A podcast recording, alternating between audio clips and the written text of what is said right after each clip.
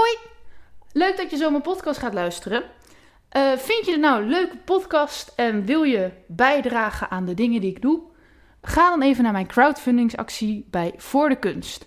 Ik heb het crowdfundingsbedrag al behaald, dus daar ben ik super blij mee. Ehm, maar je kan me nog steunen bij alles wat ik aan het doen ben. Eh, het is namelijk een actie voor de liedjes die ik maak. Dus je kan mijn album bestellen of mijn nieuwste single, genaamd Wachten. Dus ga even naar Voor de Kunst, klik daar Walinda in. Het album gaat heten Lang en Gelukkig. En geniet van mijn muziek. Maar nu eerst mijn podcast met Doede. Doei! Unlock yourself. Mijn naam is Walinda en ik ben Unlock Coach. In deze podcast deel ik mijn levenslessen over zingeving, spiritualiteit, mindset, gezondheid, zelfontwikkeling, expressie, kunst heel veel meer. Ook interview ik inspirerende mensen over deze onderwerpen. Dus luister je mee? En ik heb weer een nieuwe gast in mijn podcast. Hé, hey, dat ruimt. En eh, hij heet Doede. Ja. En ik ken jou van de Edese Ondernemers Challenge, waar ik sinds kort aan meedoe. Ehm, ja, wat is de Edese Ondernemers Challenge? Wil jij dat als eerste uitleggen wat dat is? Ja, we krijgen eigenlijk uh, vijf uh, dagen Mhm. voor een workshop. En die zijn uitgesmeerd over een aantal maanden. En daar krijgen we dus allemaal extra kennis voor onze ondernemersvaardigheden. Ja. En we zitten daar met een hele grote groep ondernemers die impact willen maken. Nou, dat zal je verbazen. ik ben een van de drie mannen en Walinda is volgens mij een van de twaalf vrouwen daar. Mhm. dus we hebben een leuk clubje daar. En het is heel gezellig met Ja. allemaal creatieve, actieve mensen. Zeker. En ehm, ja, we, we willen dus allemaal impact ondernemen. Dus ik dacht, nou heb ik weer heel veel leuke gasten voor mijn podcast als ze erin willen. Toch? Precies. Dus, uh, gewoon een heel, hele handel uh, mensen die je weer uh, kan interviewen. ik doe aan mensenhandel. nou goed, maar um, ja, um, jouw idee spreekt me heel erg aan, Doede. Mhm. Mm -hmm. um, maar de, mijn eerste vraag van mijn podcast, je hebt er al een paar geluisterd, ja. is altijd: wie ben je? Ja, ik heb er al over nagedacht. Wil je de lange of de korte versie horen? Je mag het zelf weten. Het is jouw podcast. Of nee, het is mijn podcast, maar jouw verhaal, zeg maar. ja, goed, we hebben anderhalf uur, hè? Dus, uh -huh. Het mag ook korter hoor. Oh. nee, uh, ja, ik ben uh, Doede. Dat was uh, wel redelijk duidelijk. Ik heb een hele leuke, vervelende middelbare schoolperiode meegemaakt. Eigenlijk gewoon überhaupt schoolperiode. Ik heb 13 jaar lang gewoon onderwijs gevolgd. En uh, in die 13 jaar lang heb ik een beetje zitten overleven in plaats van uh, dingen zitten doen. Mm -hmm. um, ik ben nogal creatief, out of the box uh, denkend. Zoekend naar mogelijkheden, altijd op zoek naar innovatie. En dat wordt totaal niet gestimuleerd in het onderwijs. Want daar moet je gewoon een 5,5 halen, je, je zitten en je kop houden. Mm -hmm. en dat trok mij niet zo aan. Uh, dus mijn strategie was eigenlijk uh, niks doen en vertrouwen op mijn slimheid. En dat ging uh, een paar keer dan fout, in ieder geval op de middelbare school. Ehm, en toen was het schooljaar 2019-2020, waarin het helemaal fout ging. Mm -hmm.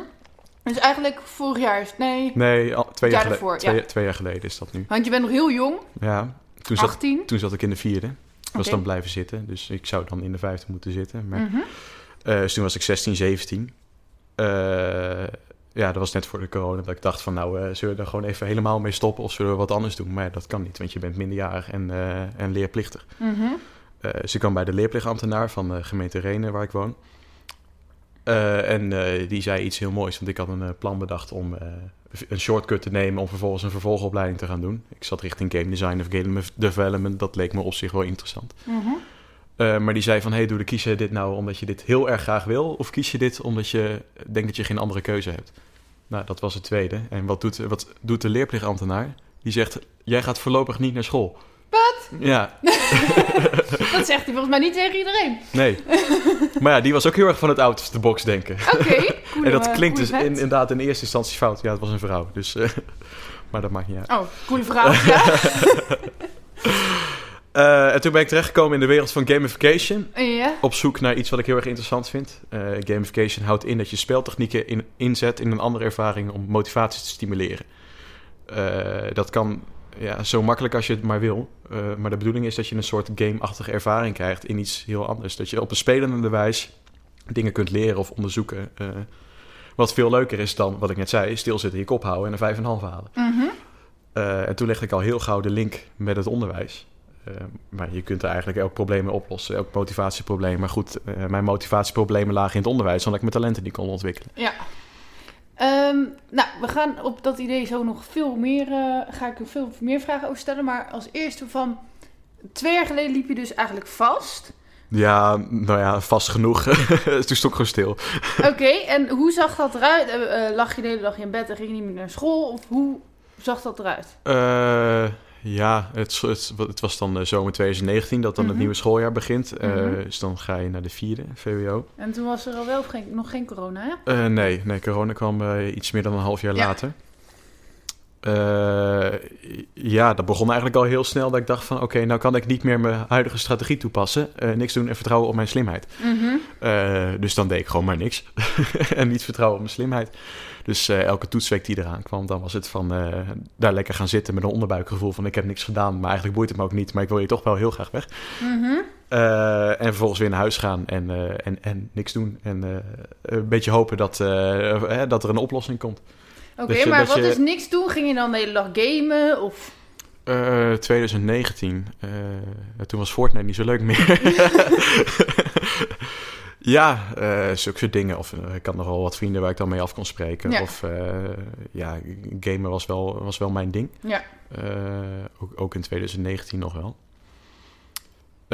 Ja, dus gewoon zoveel mogelijk afleiding zoeken van, van school. En daar zoveel mogelijk van wegblijven. Want dat is gevaarlijk en giftig en daar moet je niet aan zitten. En eh die jaren daarvoor deed je eigenlijk ook al eh, niet heel veel huiswerk en toets Ja. leren. Alleen dat ging gewoon heel makkelijk. Ja, dan ging het eigenlijk vanzelf. En toen opeens werd het moeilijk omdat je echt voor je examen eigenlijk bezig ging. Ja, ja en sowieso eh, ben ik, of heb ik de middelbare school elke keer met hakken over de sloot, of juist net niet eh, gehaald. Want de eerste ging vanzelf, de tweede bleef ik zitten. De Ja. tweede keer tweede, nou dan deed ik een ander eh, oog schuin dicht, dus dan kan het alsnog. Derde heb ik, ben ik een hele lange periode ziek geweest, dus dan word je gematst van, hey, als je voor de laatste toets in je toetsweek gewoon allemaal voldoende haalt voor de vakken die je gaat kiezen, mag je ook over. Ja, Dus ik ben niet zo uitzonderlijk slim dat ik het allemaal in één keer even, even gefreestyled heb, zeg maar. nee. Maar, je kan ook... Het heeft niet per se ook iets met intelligentie volgens mij te maken. Want zelfs al ben je de slimste man of vrouw op aarde... eh, je kan gewoon niet alle kennis die er is bezitten. Dat gaat niet. Dat sowieso niet. maar het doet me een beetje denken aan... eh, nou, er zijn eigenlijk twee typen eh, mensen die slim zijn. Mhm. De ene die zijn heel erg goed in het doen eh, wat er van hen gevraagd wordt. Ja. En die gaan het zo perfect mogelijk uitvoeren. Mhm. Dus dat zijn eigenlijk je nerds. Ja, dat is een beetje een eh, ge- gegeneraliseerde term. Maar die Mhm. wordt wel door iedereen gebruikt. Dus dan begrijpt iedereen het. ja, dus gewoon de Eh, mensen die doen wat er van ze gevraagd wordt. Ja, die gewoon de tiende kunnen halen als ze er zin in hebben. En, En die worden gezien als slim. Die maar- worden op school gezien als slim, Ja. inderdaad. En dan heb je de tweede groep, waar ik mezelf onder categoriseer. En ik denk dat ik er ook onder ga vallen, maar ja, vertel. geloof ik zeker. Dat zijn de creatievelingen. Die Ja. eigenlijk op zoek zijn naar een betere oplossing. Die, eh, de, ui- eh, die ja, uitdagende dingen willen doen. Ja. Eh, die andere dingen willen doen. Die anders denken. Die creatief, die out of the box denken. Die ja, gewoon op zoek zijn naar andere dingen om het beter te doen. Ja. Kijk, je kan mij eh, een, eh, een route geven van Rotter- om van Rotterdam naar Amsterdam te rijden. Eh, en dat zou dan de snelste route moeten zijn. Maar dan kan ik een betere route verzinnen. Maar Mhm. als je dan op school daar, dat laat zien, dan is dat fout. En ja, of, dan of krijg de je toeristische route of de Ja. avontuurlijke route. Ja, precies. De leukste, de leukste route. Dus Ja. ja, dus niet altijd de meest praktische route. Ehm, maar goed, dus jij liep vast. eh, of, ja, je deed niks. Ja, ik vind niks doen altijd zo negatief. Want dat klinkt dus alsof je na de hele dag op bed lag of zo. Terwijl ik denk van gamen leer je ook. Van je vrienden leer je ook. Mhm. Dus je deed wel wat, alleen niet voor school. Ja. Maar En- goed, ja. het, het voelt wel raar als je om je heen kijkt Mhm. eh, in de klas of eh, in het schoolgebouw en je ziet mensen om je heen wel doen wat er van hen gevraagd wordt. En je ziet hen wel meegroeien met de dingen wat er van hen verwacht wordt. Ja, En uiteindelijk ben ik zelf tot de conclusie gekomen van ik, ik kies zelf wat ik van, me- van mezelf verwacht. Ja. En ik kies zelf waar ik in wil groeien. Maar ja, als je dan daar rondloopt, dan ben je ook gewoon maar eh, één, één van de velen. ja, Maar wel de outsider, want die doet het allemaal niet. nee. Dus dat, eh, ja, die herkenning is dan niet aanwezig, zeg maar. Eh, het begint trouwens wel een beetje fris te worden. Wil je al dat ik het raam dicht doe of niet? Van mij mag je hem openlaten. Oké, dan laat hem open. Maar wel even zeggen als je het koud krijgt. Mijn raam staat wagenwijd open en het waait nogal hard. Ehm, Oké, en toen was er dus die leerplichtambtenaar. En eh, die zei, ik wil dat je niet meer naar school gaat. ik wil ook zo'n leerplichtambtenaar. Ja, ik hoef niet meer, maar had ik niet meer aangehad. Nee, Ja. ehm, of straks heb je spijt dat je niet meer naar school bent geweest, kan je die ambtenaar de schuld geven. Ik daar En- klagen, ja. dat zou ik nooit doen. En, Nee. ehm, maar hoe kwam je dan op jouw nieuwe idee, zeg maar? Eh, je werd wakker en opeens wist je... Nee, eh, dat was een, eh, of de, ik had toen, toen contact in februari 2020. Mhm. En toen was dus het, het doel om eigenlijk zo snel mogelijk iets te gaan zoeken wat ik wel heel erg interessant vond. Om dat dan weer te koppelen met de leerplicht. Want zij zag ook gewoon dat vlammetjes uit. Het, Ja. het heeft geen zin meer om die gewoon naar school te sturen. Want je weet wel wat er dan gaat gebeuren. En dan blijf je daar maar aan zitten trekken. Ja, Dus eh, ik eh, moest op zoek naar iets wat ik heel erg interessant vond. oké. Nou, eh, ja, waar moet je beginnen? Dat is een speld in een hooiberg. Mhm. En toen kwam zij uiteindelijk ook van, hey, weet je, mijn neef, die, die zit in de gamification. Nou, daar had ik nooit van gehoord. En er zullen veel- best wel veel mensen zijn die daar ook nooit van gehoord hebben. Mhm. Terwijl Het minder- klinkt als minder- vakantie, maar ja, ja. Het, is minder het is minder complex dan dat het klinkt. Dus die, die, zit daarin en ga eens met hem praten. Want jij eh, vertelde over, ik wil een opleiding doen, game design of game development. Of daar zat je over na te denken. Ga eens met hem praten en kijk, eh, kijk of je het in- net zo interessant vindt als hij. En Ja. eh, of dat iets is waar je, wat je heel graag wil. Dus toen sprak ik hem, dat was eind april. En toen kwam ik terug, ik denk van oké, ik wil hier alles over weten. Oké, en ehm, maar kan je kort vertellen wat het dan is? Want ik heb je site bekeken en Mhm. ja, daar stond dan nog een e-book op, zei. Eh, maar is het echt een game? Nee, Eh, is het eh, gewoon alledaagse dingen die je op een andere manier doet? Is het een spelletjespakket? Hoe moet ik het voor me zien? je moet het zien als een didactiek. Mhm. Eh, dus een de- methode eigenlijk. Ja, de meest eh, veel voorkomen omschrijving is het toepassen van gametechnieken in dingen die geen games zijn. Mhm. Maar dat vind ik iets te krap. Het is het toepassen van ja, speltechnieken of uh, zulke dingen die dus gebruikt worden in spellen of psychologie. Ja, In een andere ervaring om motivatie te stimuleren. Oké. Ik denk dat ik dat zelf ook al best wel heel erg doe. En ik heb daar ook een podcast over van hoe je eh, Het, jongeren eh, stimuleert in het onderwijs. Maar hoe, eh, welke technieken worden er gebruikt in games die jij dan... Ja, dan heb ik echt een heel boek in mijn hoofd zitten. Oké. Waar ik ineens doorheen moet bladeren. Ja, Maar veel mensen denken meteen al van... oh, dat zijn je, je punten, je levels, je Mhm. XP, je badges, je ranglijsten. Mhm. Eh, maar dat, dat is het niet. Want het is niet zomaar... ik pleur er even wat, eh, wat punten in mijn, eh, in mijn systeem. Mhm. En dan is het gegamificeerd. Ja, want ik zit te denken, eigenlijk is het onderwijssysteem, het is wel een saaie game, maar in principe je krijgt cijfers, is een soort Mhm. punten. Het is extreem wijd eigenlijk. Het is, het is ook aan hoe je bekijkt of het goede gamification is of niet. En dat hangt natuurlijk ook wel af van de persoon aan wie je het vraagt. Oké, dus elke gamification is anders. Er is niet Ja, één standaard model. Eigenlijk wordt er overal al een spelelement gebruikt, of bijna overal, om motivatie te stimuleren in een andere ervaring. En dus de dus Maar- gamification bestond al.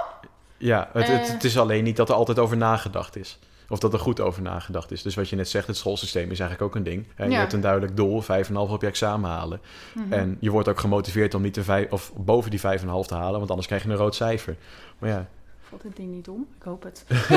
nee, het is gewoon een, een open kast. oh. nou, anders komen we er vanzelf achter. nou, we hebben een kast achter ons staan en ik ben opeens bang dat het omvalt. Maar goed, nou ja, dat wordt een hele spannende podcast. Dat, sorry, Ja. ik heb heus geen ADHD, hè. Maar goed, ja, ga verder. Eh, ja, het, er worden overal spe- spelelementen gebruikt, maar vaak onbewust of dat er niet goed genoeg over na is gedacht. En eh, het is heel erg belangrijk om per element te kijken of per actie te kijken hoe kan ik hier motivatie voor stimuleren en welke elementen ga ik daarvoor toepassen. En oké, maar hoe... eh, dus doe ik misschien zelf al gamification zonder dat ik het weet? Kan dat? Ja, je gebruikt overal wel speltechnieken voor. Ja. Is, dat is gewoon wat wij mensen graag willen. Ja. Ons brein, dat hebben wij al. Nou, dat is ook, de meningen zijn erover verdeeld, maar gemiddeld eh, zegt iedereen zo'n 250.000 jaar. Die hebben gewoon behoefte aan zulke dingen. We willen meteen erkend worden voor al, hè, Ja. als, of er iets gevaarlijk is of niet, of of er iets leuk is of niet. Die kleine hersenen, die nemen we al die tijd al de hele tijd mee. Dus is, maar is gamification een merknaam? Of is het een, een, een werkwoord eigenlijk? Of eh, ja, hoe zeg je dat? Nou, geen, geen werkwoord. Dat, Nee, is, eh. zou ik gamificeren zeggen. maar Nee, maar snap je wat wat, wat is het nou eigenlijk? Is het een... eh, ja, het, is, het is denk ik een didactiek. Het is eh, uit de grond gestampt in eh, 2009, volgens mij. Eh, en toen heeft er iemand gedacht van, nou, dat, eh, zo ga ik het even noemen. Eh, Ja. ik, heb dit, ik heb dit bedacht en dat wordt nu steeds verder gepreest. En, maar wordt, het wordt ook wel eens human focused design genoemd. Oh ja. Dat zegt ook wat meer over de inhoud ervan. Ja. Want met gamification denken dus heel veel mensen die er nog nooit gehoord hebben. Dat aan het games maken, programmeren Ja, en ja. eh, weet ik het wat. Maar Maar eigenlijk gaat het veel, volgens mij meer over mindset, motiveren. dat. de psychologie achter motiveren, zeg ik altijd. Nou, dan doe ik ook aan gamification. Wat Ja. leuk. Ik ben een gamificator, noem je dat zo? Ja, dat, daar heb ik niet over nagedacht. Oh, Oké, Dat klinkt alsof eh Dr. Doversmits dat bedacht heeft. Een gamificator. oh ja, heb je vroeger geen Phineas en Ferb gekeken? Eh, nee. Oh, jammer. Maar goed, eh, dus het bestaat al. Maar wat maakt dan jouw eh, ding uniek? Nou, ik heb er dus heel veel eh, onderzoek naar gedaan na dat gesprek met Robin, heet hij. Mhm. Die heeft mij dus gewoon verteld van hier kun je kijken, hier kun je kijken, dit is interessant, dit zijn boeken, dit zijn wetenschappelijke artikelen, dit zijn videocursussen en, en bla bla bla. Ja. Maar het, dat is ook weer een beetje een positief en iets negatiefs. Iedereen maakt eigenlijk, eigenlijk zijn beetje zijn eigen definitie, want er is geen generieke opleiding. Nee. Eh, mensen doen steeds opnieuw onderzoek en daar komen weer resultaten uit. En dat, dat gebruiken we dan om, eh, eh, om, om daar iets voor te designen. Ja. Maar wat mij daar een, een beetje in onderscheidt, is dat heel veel mensen het zien als een onderdeel van iets. Dus die hebben dan iets en die denken, oh, laten we gamification toevoegen. En dan kom je inderdaad niet verder dan die punten en, en weet ik het wat. Ja. Maar voor mij zie ik het echt als didactiek en wil ik op basis van die didactiek iets designen. Dus een product maken of een proces versterken. Of, en dan kijk je dus echt Maar Naar wat de voor methode. product ben je dan nog naar op zoek dan? Of, of heb je eigenlijk al je product? Ik ben eh, nu bezig, van- ik weet niet wanneer je podcast online komt. Maar, Eh, vanavond. oh ja, dan, is- dan is hij nog niet af. Vertel. Ehm, nou goed, ja, we slaan al wel heel veel over, maar dan Oh. kunnen we een kleine, kleine eh, flash forward geven, Mhm. zeg maar. Eh, ik ben dus verder naar het onderwijs gaan kijken. En ik wil gewoon dat iedereen het maximale uit zichzelf in het onderwijs kan halen. Ja. Maar ja, als die persoon er niet gemotiveerd voor is, dan is dat heel erg moeilijk. Ja. Dus ik heb heel erg lang geprobeerd om scholen binnen te dringen, maar die zijn nogal eh, conservatief ingesteld. Mhm. Dus ik heb gekeken van wie heeft nou eigenlijk de meeste pijn als een middelbare scholier, dus tussen de 12 en 18 of 11, 19, ligt Mhm. eraan of je uitschieters meetelt. Ja. Ehm, als, als die niet, zich niet goed kan ontwikkelen. Ja. Nou, voor scholen is het een cijfer, maar voor zijn of haar eigen ouders is dat gewoon je eigen kind. ja, ik denk uiteindelijk dat dat kind uiteindelijk het zelf het meest last van krijgt in de toekomst. Mhm. Maar inderdaad, in dat moment zelf zijn het de ouders. De ouders maken zich zorgen, maar het Ja. kind zelf natuurlijk ook. Maar Ja. dan meer onbewust. Of eh, de, meeste, de meeste zijn dan nog pubers en die Ja. boeit allemaal niet zoveel. Maar stiekem toch wel. Ja. Eh, dus wat ik daarvoor bedacht heb, is een andere leermethode. Mhm. Die dus die gamification toepast. Mhm. Heeft Eh, hij al een naam? Ja, nou, de na ik heb een naam in mijn hoofd. Dat heet de motivatiemethode. En als, om, aangezien het nu op je podcast komt, denk ik dat ik die ook Ja, wel echt ga misschien gebruiken. bestaat hij al, hè? Dus dat Ja. moeten we... Nee, volgens mij niet. Ik, heb, ik heb gegoogeld. Ja. Ehm, ja, en het is, dus, het is dan een soort leermethodiek of een, gewoon een strategie... Mhm. waarin je eh, voor je toets kan leren. Mhm. Eh, ik heb, in mei heb ik een keer een, een jongen begeleid. Mhm. En ik heb eigenlijk precies dat gedaan, maar dan zelf gedaan. En het is de bedoeling dat eh, kinderen dat zelf kunnen doen. En wat ik daarvoor gedaan heb, hij had een toets die hij kon, kon herkansen. Dus ik zei, nou, welk cijfer je halen? Ja, eh, 6,5. Ik zei, oké. Eh, we hebben vijf paragrafen, één hoofdstuk. Dit is paragraaf 1. Paragraaf 2 tot en met 5 pak ik van je af. Want anders eh, weet je niet waar je aan moet beginnen. We hebben een duidelijk doel. Mhm. We willen een 6,5 halen. Als jij 65% van de punten haalt voor het eerste spel dat ik voor jou heb bedacht, dan mag je door naar level paragraaf 2. Mhm. En dan moet je weer 65% van de punten verhalen.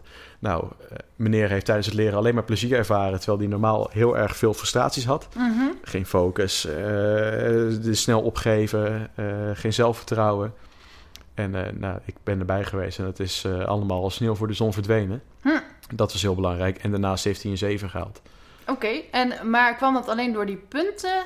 Of moest hij, weet ik veel, moest hij gaan zingen, moest hij gaan dansen, moest hij gaan sporten? Wat, wat moest hij gaan doen? Eh, nou, ik heb wel heel erg gekeken naar wat is de meest effectieve manier van leren. En Mhm. je hebt passief leren en actief leren. Ja. En passief leren is eh, lezen, luisteren en, eh, en kijken. Mhm. En actief leren is iets aan iemand anders uitleggen of het zelf daadwerkelijk doen. Ja. Dus ik heb wat spellen voor hem gemaakt. Cool. Ik heb bijvoorbeeld een keer een memory gemaakt. Heel makkelijk is het eigenlijk. Mhm. Maar je moet er dus wel goed over nadenken. Past Ja. dat bij die ene persoon? Ja. En dan verbind je dus eh, bepaalde dingen aan elkaar die, die waar zijn. Over zijn stof. Dus wanneer is olie in Nigeria uitgevonden? Nou, dat andere kaartje wat erbij hoort is in 1956. Mhm. Zulke soort dingen. Oh ja, dat doe ik ook altijd voor mezelf als ik moet leren. Ja, nou, dat doe je. Dat ga, je al de goede kant op. Ja. Ook een keer eh, gezegd tegen hem van... oké, eh, dit is de stof. Bedenk even een aantal vragen die je hiervoor wil maken. Dan maak ik daar een, een spel van. Die jij samen met je vader moet gaan spelen. En dan is het natuurlijk tussen jullie wel een strijd wie het hoogste cijfer kan halen. Maar goed, Mhm. jij weet de stof al, want jij hebt de vragen bedacht. Dus je moet natuurlijk wel je vader de stof nog gaan uitleggen. Dus je bent eigenlijk gewoon vier keer of misschien wel acht keer zo effectief aan het leren. Ja, En de bedoeling voor het product is dus dat leerlingen dat zelf doen, in plaats van dat ik dat eh, hun moet vertellen. Dus ze krijgen gewoon elke eh, een soort verhaal waarin ik ze steeds meesleep door, eh, door wat de volgende opdracht is. mhm. Dus dan is het filmpje afspelen waarin het verhaal een beetje verteld wordt. Eh, die actie uitvoeren, beloning krijgen, filmpje afspelen, eh, die hele cyclus. Mhm. En vanaf het begin krijg je een roadmap waarin je dus eh, per puntje een paragraaf neer kan zetten waar je een spel over gaat maken voor je ouder. Mhm. Of, Moeten die ouders wel tijd voor hebben? Ja, die hebben er tijd voor. Oké. Het sch- scheelt dat ik er een aantal gesproken heb die, eh, die allemaal alleen maar ja, ja, ja zeggen. Dus eh, Ja, omdat ze zo in, zitten. Waarom ik met mijn kind dat ze er Ja. wel tijd voor maken. ja, precies. Ja. En, en eh, natuurlijk zijn ze een beetje gevoelig voor mijn verhaal. En kies ik daar een, een mooie oplossing voor. Ja. Maar die hebben daar inderdaad tijd voor. En dat is het voor kind natuurlijk heel leuk, want die maakt iets voor zijn ouder. Dus dan is het een beetje flip the classroom-achtig. Maar wordt het dan een soort online programma waarin jij in een filmpje te zien bent? Ja, ja, of, of ik zelf te zien ben, dat weet ik nog niet, want ik moet het dus nog visualiseren. Ja. Eh, ik heb wel de ideeën daar staan. Ehm, maar dat, dat is dus een beetje de basisstructuur. En als die ouder het cijfer haalt wat jij zelf voor je toets wil halen, Mhm. Dan kun je door naar de volgende paragraaf. En Ja. kun, je- kun je dus je, je, je vlaggetje afvinken of je milestone. dus je wordt eh, eigenlijk gewoon leraar van je ouder. Ja, Maar stel dat Dat die ouders geen tijd hebben, kun je natuurlijk ook dat gewoon bij een klasgenoot doen. precies. Of. Of broer of zus of weet ik Ja. het wat. Of desnoods daag je docent uit. ja, of jou. Ja. Krijg je allemaal van die saaie toetsen je... nee, als dat niet saai zijn. Ik verstrek daar namelijk templates voor. Ja. Er staat gewoon letterlijk op van... eh, eh, dit, dit zijn de spelregels en dit is wat je ervoor moet doen. Ja. Dus daar kun je gewoon heel makkelijk eh, kant-en-klaar mee aan de slag. Want het is de bedoeling dat ik dat zelf niet uit hoef te leggen. Nee. Want hè, we, hebben het, we hadden het over impact maken bij de Edis Ondernemers Challenge. Ja. Nou, je maakt heel veel impact als je iets schaalbaar kan maken. Mhm. Eh, en als ik bijvoorbeeld zou, zou overstappen naar coaching... Mhm. dan heb ik dus maar 168 uur tijd in de week om mensen te helpen. Nou, dan Ja. moet ik ook nog andere dingen doen. Ja. En bovendien zit je dan tegen een uurtarief aan als ouder... wat de meeste ouders natuurlijk niet kunnen betalen. Nee. En als je gewoon iets eenmalig op je, op je website zet... Ja. eh, en dat ze dat gewoon steeds eh, dat ze dat kunnen kopen... en keer op keer per toets kunnen gebruiken. Ja. En je kan het vernieuwen. Ja, precies. Met de feedback die ik krijg kan ik dat weer verbeteren... of extra dingen toevoegen. Ja. Dus dat lijkt mij eigenlijk voor iedereen de beste deal. Ja. Want je betaalt eenmalig en dat is een keertje minder uit eten. Ja. En eh, je kind heeft weer plezier voor de rest van zijn schoolcarrière. Tenminste, Mhm. dat is dan de claim die ik maak. Maar Ja. je, moet je het zelf maar proberen. Het, maar kost het niet... ik ga even gewoon advocaat van de duivel spelen. Dus is, Mhm. ik denk ik- dat ik er helemaal achter sta. Maar kost het niet ontzettend veel tijd? Want... ehm, ja, oké, maar- maar diegene die loopt al vast. Dus, dus er moet een andere manier komen. Maar Mhm. het is natuurlijk wel veel makkelijker als jij gewoon iets leest. Je kan het onthouden en je maakt een toets. Mhm. En als je dus helemaal spelletjes moet gaan maken en ontwikkelen, ehm, heb je dan nog wel tijd genoeg om alles in die planning te proppen die, wat, ze, wat de leraar allemaal van je vraagt? Ja, nou, het idee is dat je voor een toets ben je, nou, ligt eraan hoe groot die toets is, maar laten we zeggen tussen de drie en eh, acht uur bezig met leren ongeveer, Mhm. gemiddeld. Eh, De bedoeling is dat je dat daar ook gewoon eh, net zo lang met, de, met de, de motivatiemethode, zeg maar, daarmee bezig bent. Ehm, want als jij iets moet leren, als jij een hele eh, boel tekst moet gaan leren, dat heeft, je onthoudt ongeveer 10% als je dat door gaat zitten lezen. Ja, als je samenvatting maakt, mens, ja. ja. Als je een samenvatting maakt, ja, dan onthoud je wat meer, maar dan moet je alsnog steeds die samenvatting doorheen gaan. En het maken van zo'n spel, nou, dat kan een half uurtje tot een uur duren. Misschien, misschien nog iets minder. Dat laat je je ouders spelen. Nou, je bent in totaal een uur bezig. Eh, dat is eigenlijk net zo lang als dat de bedoeling is. En eh, goed, dat is dan voor een toets met vijf paragrafen ongeveer. Ben je vijf uur bezig. Maar je hebt ook, zeker later in, eh, in, in de middelbare schooltijd, heb je ook grotere toetsen. Dus daar ben je sowieso langer mee bezig. Het is de bedoeling dat je er gewoon even lang mee bezig bent. Mhm. Want anders is het ook niet de moeite waard. Want het moet wel leuker zijn. Ja, Maar als het leuker is maar ook en effectiever ook- en sneller. meer tijd kost, dan gaat dat ten koste van andere dingen die Ja. leuk zijn. En dat is ook niet de bedoeling. Het is, Nee. het is een soort andere route die je neemt, Mhm. die veel fijner aanvoelt. Maar help je dan ook met planningen maken, zeg maar? Want Eh, je moet het wel naast een, een mhm. baantje doen, naast eh hobby's, naast vrienden, naast uitgaansleven. Eh, even denken, wat heb je allemaal nog meer? nou ja, in ieder geval je social media, je Ja. YouTube, je alles. Dus hoe ehm, zorg je dat ze dat in hun tijd kunnen plannen? Daar is, heb ik ook wel een gamification techniekje voor bedacht. Mhm. Die is afgeleid van, is wel een leuk verhaal, in Zuid-Korea is een supermarkt. Mhm. Eh, en die heeft eigenlijk in de middag komen er helemaal geen mensen. Mhm. Dus, dus wat zij gedaan hebben, ze hebben een standbeeld neergezet. Mhm. Dat is eigenlijk een, ja, een soort, nee, niet een, echt een zonnewijzer, maar als de zon om 12 uur daarop schijnt, ongeveer, Mhm. dat hangt natuurlijk van de cyclus af, dan komt daar een QR-code in de schaduw.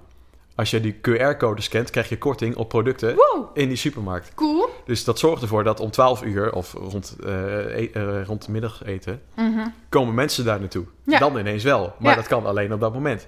Dus het idee is dat je een soort schaarste creëert. Ja, Van alleen op dat moment kan ik ermee aan de slag. cool. Dus dat kun je er ook in toepassen. Van stel je voor, eh, dat is dan een soort handleiding die de ouder erbij krijgt van dingen die je uit kunt proberen of het een beetje in de gaten houden. Mhm. Eh, plan alleen tussen vier en vijf eh, het moment in. En dan weet je dus van oké, het is nu half vier. Mhm. Ik kan nu anderhalf uur lang gaan zitten gamen. Mhm. Of iets anders gaan doen met mijn leven. Mhm. En, maar daarna heb ik niet meer de kans om aan school te werken. En dat betekent dus dat ik niet het cijfer kan halen wat ik wil halen. Ja, Want de meesten die vastlopen willen wel gewoon nog eh, goede cijfers halen en doorgaan. Maar vinden de manier waarop ze dat moeten doen niet aantrekkelijk genoeg. nee. Maar als je dan denkt van... hé, hey, het is nu half vier. Om vier uur heb ik de kans om dit te doen en daarna niet meer. En dan is het misschien toch wel een goed idee om daar maar even gebruik van te maken. Ja, maar zou het niet nog iets zijn... Misschien ga je het ook wel doen, hè? Mhm. Maar eh, ja, ik denk wel dat we gewoon heel snel naar inderdaad die, die computerschermen, telefoonschermen gaan. YouTube, TikTok, weet ik veel wat voor apps je tegenwoordig allemaal hebt. Ehm, dus kan je dan niet beter echt een, een app maken die dan ook echt een soort game is... of eh, in ieder geval net zo verslavend is. En dan... eh, ja, dat het meer online is, omdat toch alles steeds meer online wordt. Dat is een Ja, het wordt ook wel een, een online programma natuurlijk, maar dat is een project voor in de toekomst. oké. dus- Eh, ik dus vind het heel erg leuk. Ik ben Mhm. nou een jaar eigenlijk aan het zoeken van wat is nou de beste invulling voor eh, gamification in Ja. het onderwijs. Ja, Nou, het onderwijs is gewoon een ontzettend moeilijke markt. En eh, eindelijk heb ik de code gekraakt, dus ik kan eindelijk eh, aan de slag. ja, En ik vind het heel erg leuk om dat organisch te laten groeien. Dus als dit gewoon loopt, en het loopt online, dus je kan het gewoon online kopen. En er komen steeds meer mensen die het interessant vinden.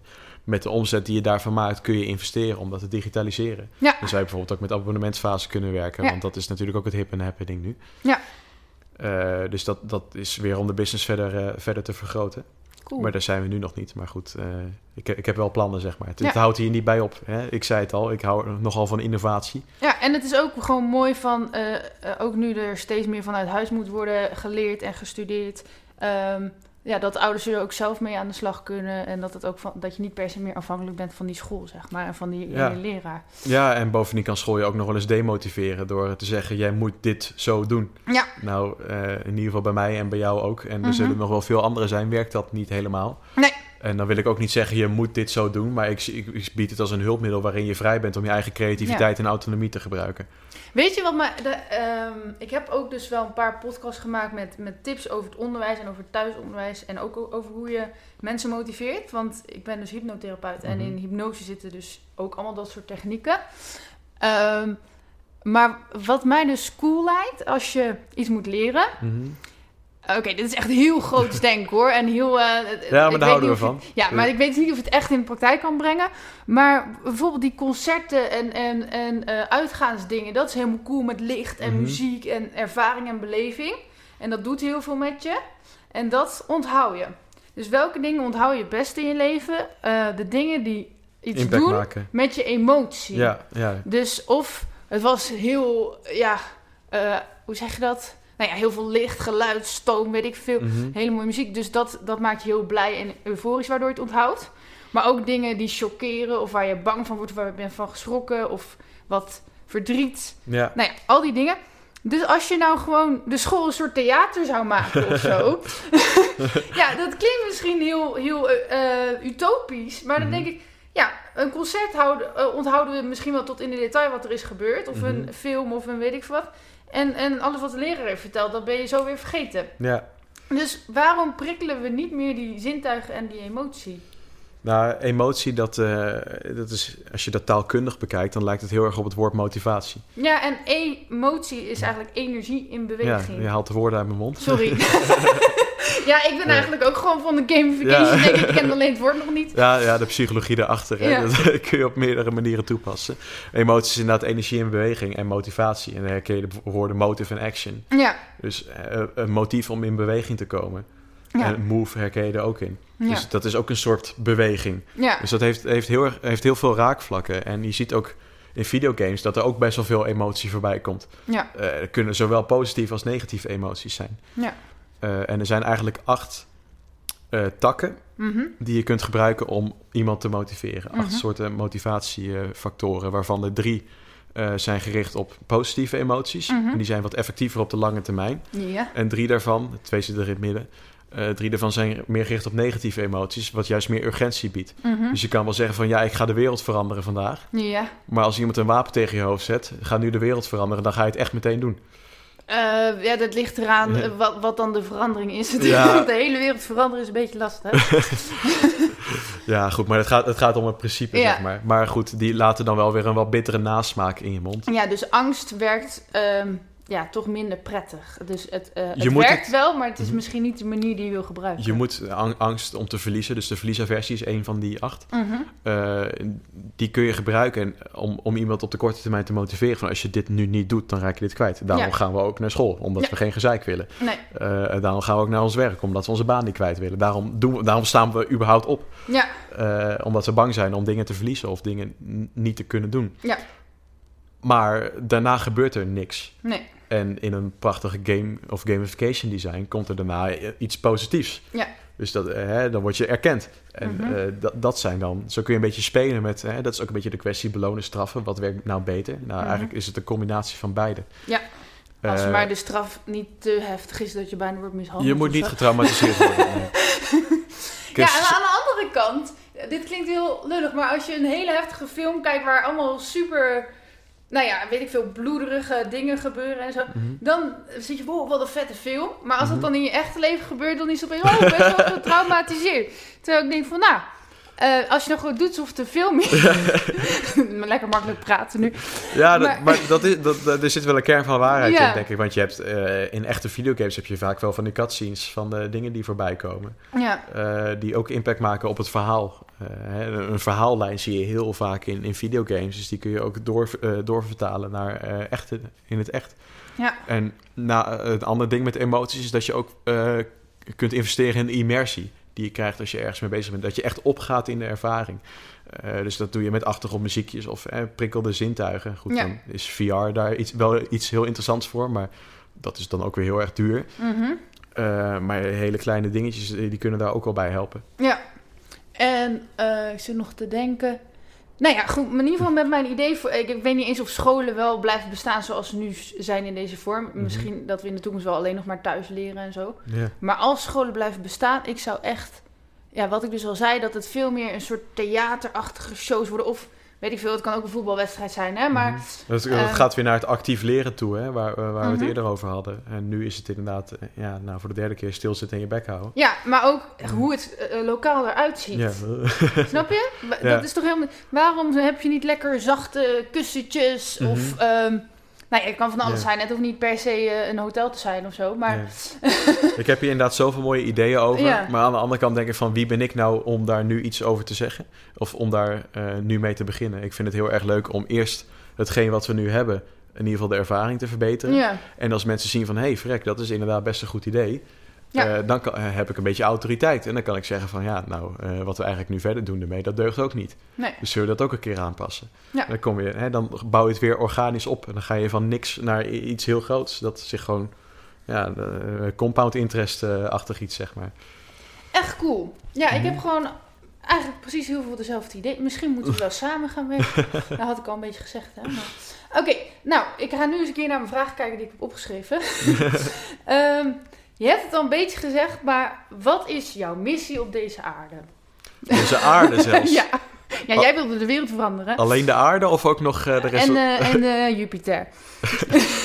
Jupiter, daar leeft niks. Dus ik heb daar niet zoveel te betekenen. Maar nee, het is, het is mijn missie dat iedereen eigenlijk niet eens in het onderwijs... maar gewoon weer het maximale uit zichzelf kan halen. Ja. Dat je weer maximaal kan presteren. Ik heb heel erg gemerkt van als je stil zit... Mhm. als je niet, niet met de rest meebeweegt... ja, daar word je gewoon niet gelukkig van. Maar Eh. met de rest mee klinkt je als een schaapje.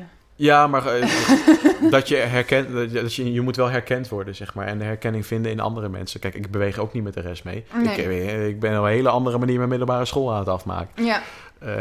Dus dat hoeft dan weer niet. Maar je ziet wel andere mensen om je heen groeien en jouzelf niet. En dat groeien is wel echt iets wat, wat, ik, vind, wat ik iedereen gun. Ja, Ehm, en daarvoor is motivatie nodig. Want motivatie is dus een reden om in beweging te komen. Ja. En je kan niet groeien als je niet beweegt. en ehm, even, ik hou dus van om hele diepgaande, zingevende filosofische vragen te stellen. Waarom zouden we moeten groeien? Nou, als je, als je het evolutionair bekijkt, dan eh, Ja. hebben we dat gewoon nodig. Want, want Mhm. de eerste levensbehoefte eh, van de mensen is het in stand houden van de soort. Of eigenlijk van elk levend organisme. Mhm. En dat is overleven. Ja, overleven inderdaad. Maar daarvoor moet je wel kunnen groeien. Ja, Le- leven, dat, hebben we, dat is pas iets nieuws. Dat eh, doen we pas sinds een paar duizend jaar. ja. Misschien nog wel korter. Wacht, ik ga nu wel echt het raam dicht doen, want het regent Ja. naar binnen. Jij mag ondertussen een mop vertellen of zo? Dan moet ik een geforceerde mop vertellen. Ik ga wel verder op mijn groeiverhaal. eh. maar gro- groei staat in ieder geval voor mij gelijk aan geluk. Eh, en voor heel veel andere mensen ook wat ik gemerkt heb. Of in Mhm. ieder geval, dus, eh, hè, iets, als je stilstaat of als, als er geen groei is, als er behoud is, dan... Ja, dat is ook weer het stukje innovatieve in mij, wat, wat, wat heel erg vrolijk wordt. En ik denk ook van dat je echt satisfied voelt als je ineens iets wat je normaal altijd doet, dat je dat ineens beter kan doen. Ja. En dat is precies wat we nu als samenleving nodig hebben. Het is, iedereen eh, houdt vast aan dingen die altijd al gewerkt hebben. Ja, Maar we groeien zo snel. ja. Eh, Hier 15 jaar geleden bestond de smartphone nog niet. Nee. En nou eh, hè, we consumeren eh, al sinds, sinds 2003 volgens mij. Dus sinds ik geboren ben. Mhm. In twee dagen meer informatie dan dat we eh, ooit hebben gedaan tot aan 2003 als mensheid. Ja. Of eh, consumeren, produceren moet ik zeggen. ja, ook consumeren denk ik. Ja, dat, dat, hoort, dat, hoort- dat hoort erbij inderdaad, ja. anders wordt het ook niet Ja. gemaakt. Ja, de, de informatie die je maakt, die wordt meteen geconsumeerd. Maar is de, ja, daar had ik volgens mij ook nog als vraag opgeschreven, maar dan moet ik zo nog even zoeken. Ehm, maar is het, ja, hoe zeg je dat? Oké, dus bijvoorbeeld deze podcast, dat is ook een vorm van content, zeg maar. Mhm. Dus al die social media kanalen, die produceren de hele dag content, content, content. Nou, de ene leer je iets meer van dan de ander, maar in principe van Mhm. alles leer je iets. Ja, ja, het ligt er natuurlijk aan of het iets is wat je wel of niet wil leren. Dat, dat, dat is een beetje moeilijk onderscheiden, Ja. omdat we verleid worden om bepaalde dingen Mhm. te leren. Ehm, maar op zich, omdat we dus de hele dag al zo'n informatieoverstroom hebben, zit ons brein misschien wel helemaal vol. Dan vind ik het ook niet gek dat je op school niet zoveel meer leert. Want Ja. je zit al helemaal vol en vol met afleiding. De afleiding komt inderdaad van dingen die leuker zijn. Ja, En wat nou als we ervoor zorgen dat eh, het onderwijs eigenlijk het leukste is, waardoor we niet afgeleid kunnen worden door dingen die leuker zijn, omdat het onderwijs wel het leukste is. ja dat dan, zou, focus, dan richt je daar al je aandacht op. ja, dat en zou dat echt het beste zijn. Daar moet gamification, ik wou zeggen kan, maar moet eh, Ja, het eigenlijk een hele anders. grote rol spelen. Ja, Anders ja, blijven we anders dus met, sterft eh, onderwijs met- überhaupt uit. blijven we met die zombies zitten. Ja. En aan de andere kant, ehm, ja, zou het ook niet zo kunnen zijn dat misschien het onderwijs in hoe we het kennen helemaal stopt? En ja, dat, dat je gewoon veel meer gaat leren vanuit zelfstudie eh, door internet en de apps en de. Ja, alleen dan Hmm. kan je niet echt aantonen wat voor kennis je hebt. Dat is een beetje. Het is heel moeilijk om het systeem te veranderen. En dat, Ja. als je dat wil, dan gaat het echt in een proces van tientallen jaren. Mhm, Dus ik denk stukje bij beetje zoek ik steeds naar verbetering. mhm. En dan gaan we wel kijken waar dat uiteindelijk eh, op uitkomt. Echt, als, ik zou eigenlijk best wel willen dat je bijvoorbeeld op je cv gewoon kan zetten... Kijk, deze podcast heb ik allemaal geluisterd. Ja, maar met, met- Eh. dat is wel, eh, dat is wel eh, het ondernemend, eh, of eh, waar ondernemende mensen dat soort dingen zetten ze eigenlijk op een cv. Of eh, Oh, op oh, een, dan moet ik hem misschien op een- gewoon opzetten dan. nee, meer op een, eh, een onzichtbare cv. Dat zijn de dingen die jou hebben geholpen Ja. om de acties te doen die jij als ondernemer eh, uitvoert. Alleen wat het lastige is met podcast is dat je niet altijd kan aantonen dat jouw kennis wetenschappelijk onderbouwd is. Vaak is het Ja. het wel, maar je kan ook een keer een Ja. of andere gek horen die maar gewoon iets verzint, zeg maar. Ja, sorry nog daarvoor. Oké. Ehm, mm, mm, mm. Ja, je hebt het ook al een beetje gezegd, maar hoe kwam het volgens jou dat jij vastliep? Eh, ja, het niet kunnen ontwikkelen van je talenten. Ja, Je, je kunt er niet in groeien. Als jij, eh, mensen zijn altijd op zoek naar een plek om te groeien. ja, Maar als jij op de verkeerde plek zit, ja, dan ga je dus ergens anders groeien. Dus dan ga je groeien in afleidingen. ja, Eh, en dan blijf je stilstaan in de dingen, hè, wat je net zegt. Je spendeert al je aandacht aan iets anders. En niet Ja. aan wat er van je gevraagd wordt. nee. En waar liggen jouw talenten? En hoe kan het dat jij die dan Ik denk dat heel veel mensen dat Mhm. hebben, maar juist steeds meer door alle afleidingen. Maar hoe kan het dat jij die dan niet in je onderwijs kwijt kon? Ehm, ja, ten eerste door hoge verwachtingen. Mhm, Eh, want als je slim bent, dan moet je ook eh, slimme dingen kunnen laten zien. mhm. Maar goed, je hebt twee soorten slim zijn. Zoals ik eh, al eerder aangaf. Ja, Mensen verwachten eigenlijk dat je IQ en je prestaties... dat dat een lijn is die lineair loopt. ja, Eh, is niet zo. Nee. Die, die eh, loopt kriskras door elkaar heen. Het is dat ik hier geen camera heb, maar ik zal met mijn vinger... ik kan de hele kamer laten zien, zeg maar. ja, Eh, en, maar dat wordt wel van mensen verwacht. En als je dat niet waar kan maken, dan ontwikkel je een soort faalangst. ja. Van hè, mensen verwachten van mij dat ik het supergoed doe. mhm. Ik heb er geen vertrouwen in dat ik het supergoed ga doen. Dus ik ga het gewoon niet doen. Ja. Om hè, dat moment van pijn te kunnen voorkomen. Dat je, dat je niet supergoed doet. mhm. En eh, mensen die creatief denken zoals ik, die willen gewoon niet eens jouw oplossing volgen. Want Nee. die denken van, hé, hey, eh, het kan een stuk beter. Ja, Je, dan moet je gewoon niet van ze vragen. nee. Eh, ja, dan, ja, dan krijg je kortsluiting en dan houdt het gewoon op. Mhm.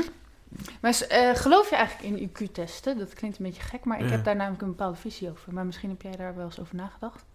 Ja, eh, het, is- het is redelijk moeilijk, want je gaat meteen naar labels toe, zeg maar. Mhm. Eh, wat op zich ook wel weer kan helpen. Maar als het maar niet bedoeld is om iets te vinden om te voorkomen dat je dat label niet meer hebt. Of de, Ja, dus eh, ergens even Ritalin in stoppen en hopen dat hij zijn mond houdt. Ja. dat, dat, da- daarvoor het label ADD bedenken, dat vind ik dan ook weer erg overdreven. ja, maar dat doen ze dan niet in een intelligentietest, hè? Nee, ja, maar dat was, dat was een voorbeeld. Ja, Ehm, ja, dat is, eh, is, een, is een pittige. Geloof ik in IQ-testen. Eh, ja, je hebt natuurlijk veel meer dan IQ, hè? Mhm. Je hebt EQ, je hebt eh, creativiteiten, dingen. ja. Ehm, dus, maar ik, ik denk wel dat het handig is om erkend te worden van... oké, mijn IQ is inderdaad hoger dan de gemiddelde persoon. Mhm. dat helpt wel om, om dat te weten. Mhm. Maar je moet er niet 100% op vertrouwen, denk ik. Ja, want wat, ik heb twee keer een IQ-test gehad. Mhm. Wel allebei met een hoge uitslag, maar...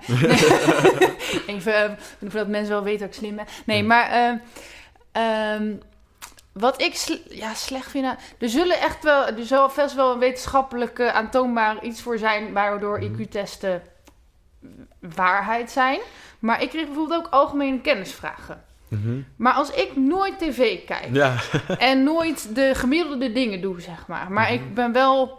ehm, heb een bepaalde fascinatie waar ik alles over weet. Mhm. Maar ik weet dus niet eh, wie, ehm, wie de koning is, of zo weet ik wel. Maar Ja. ben ik dan gelijk minder intelligent?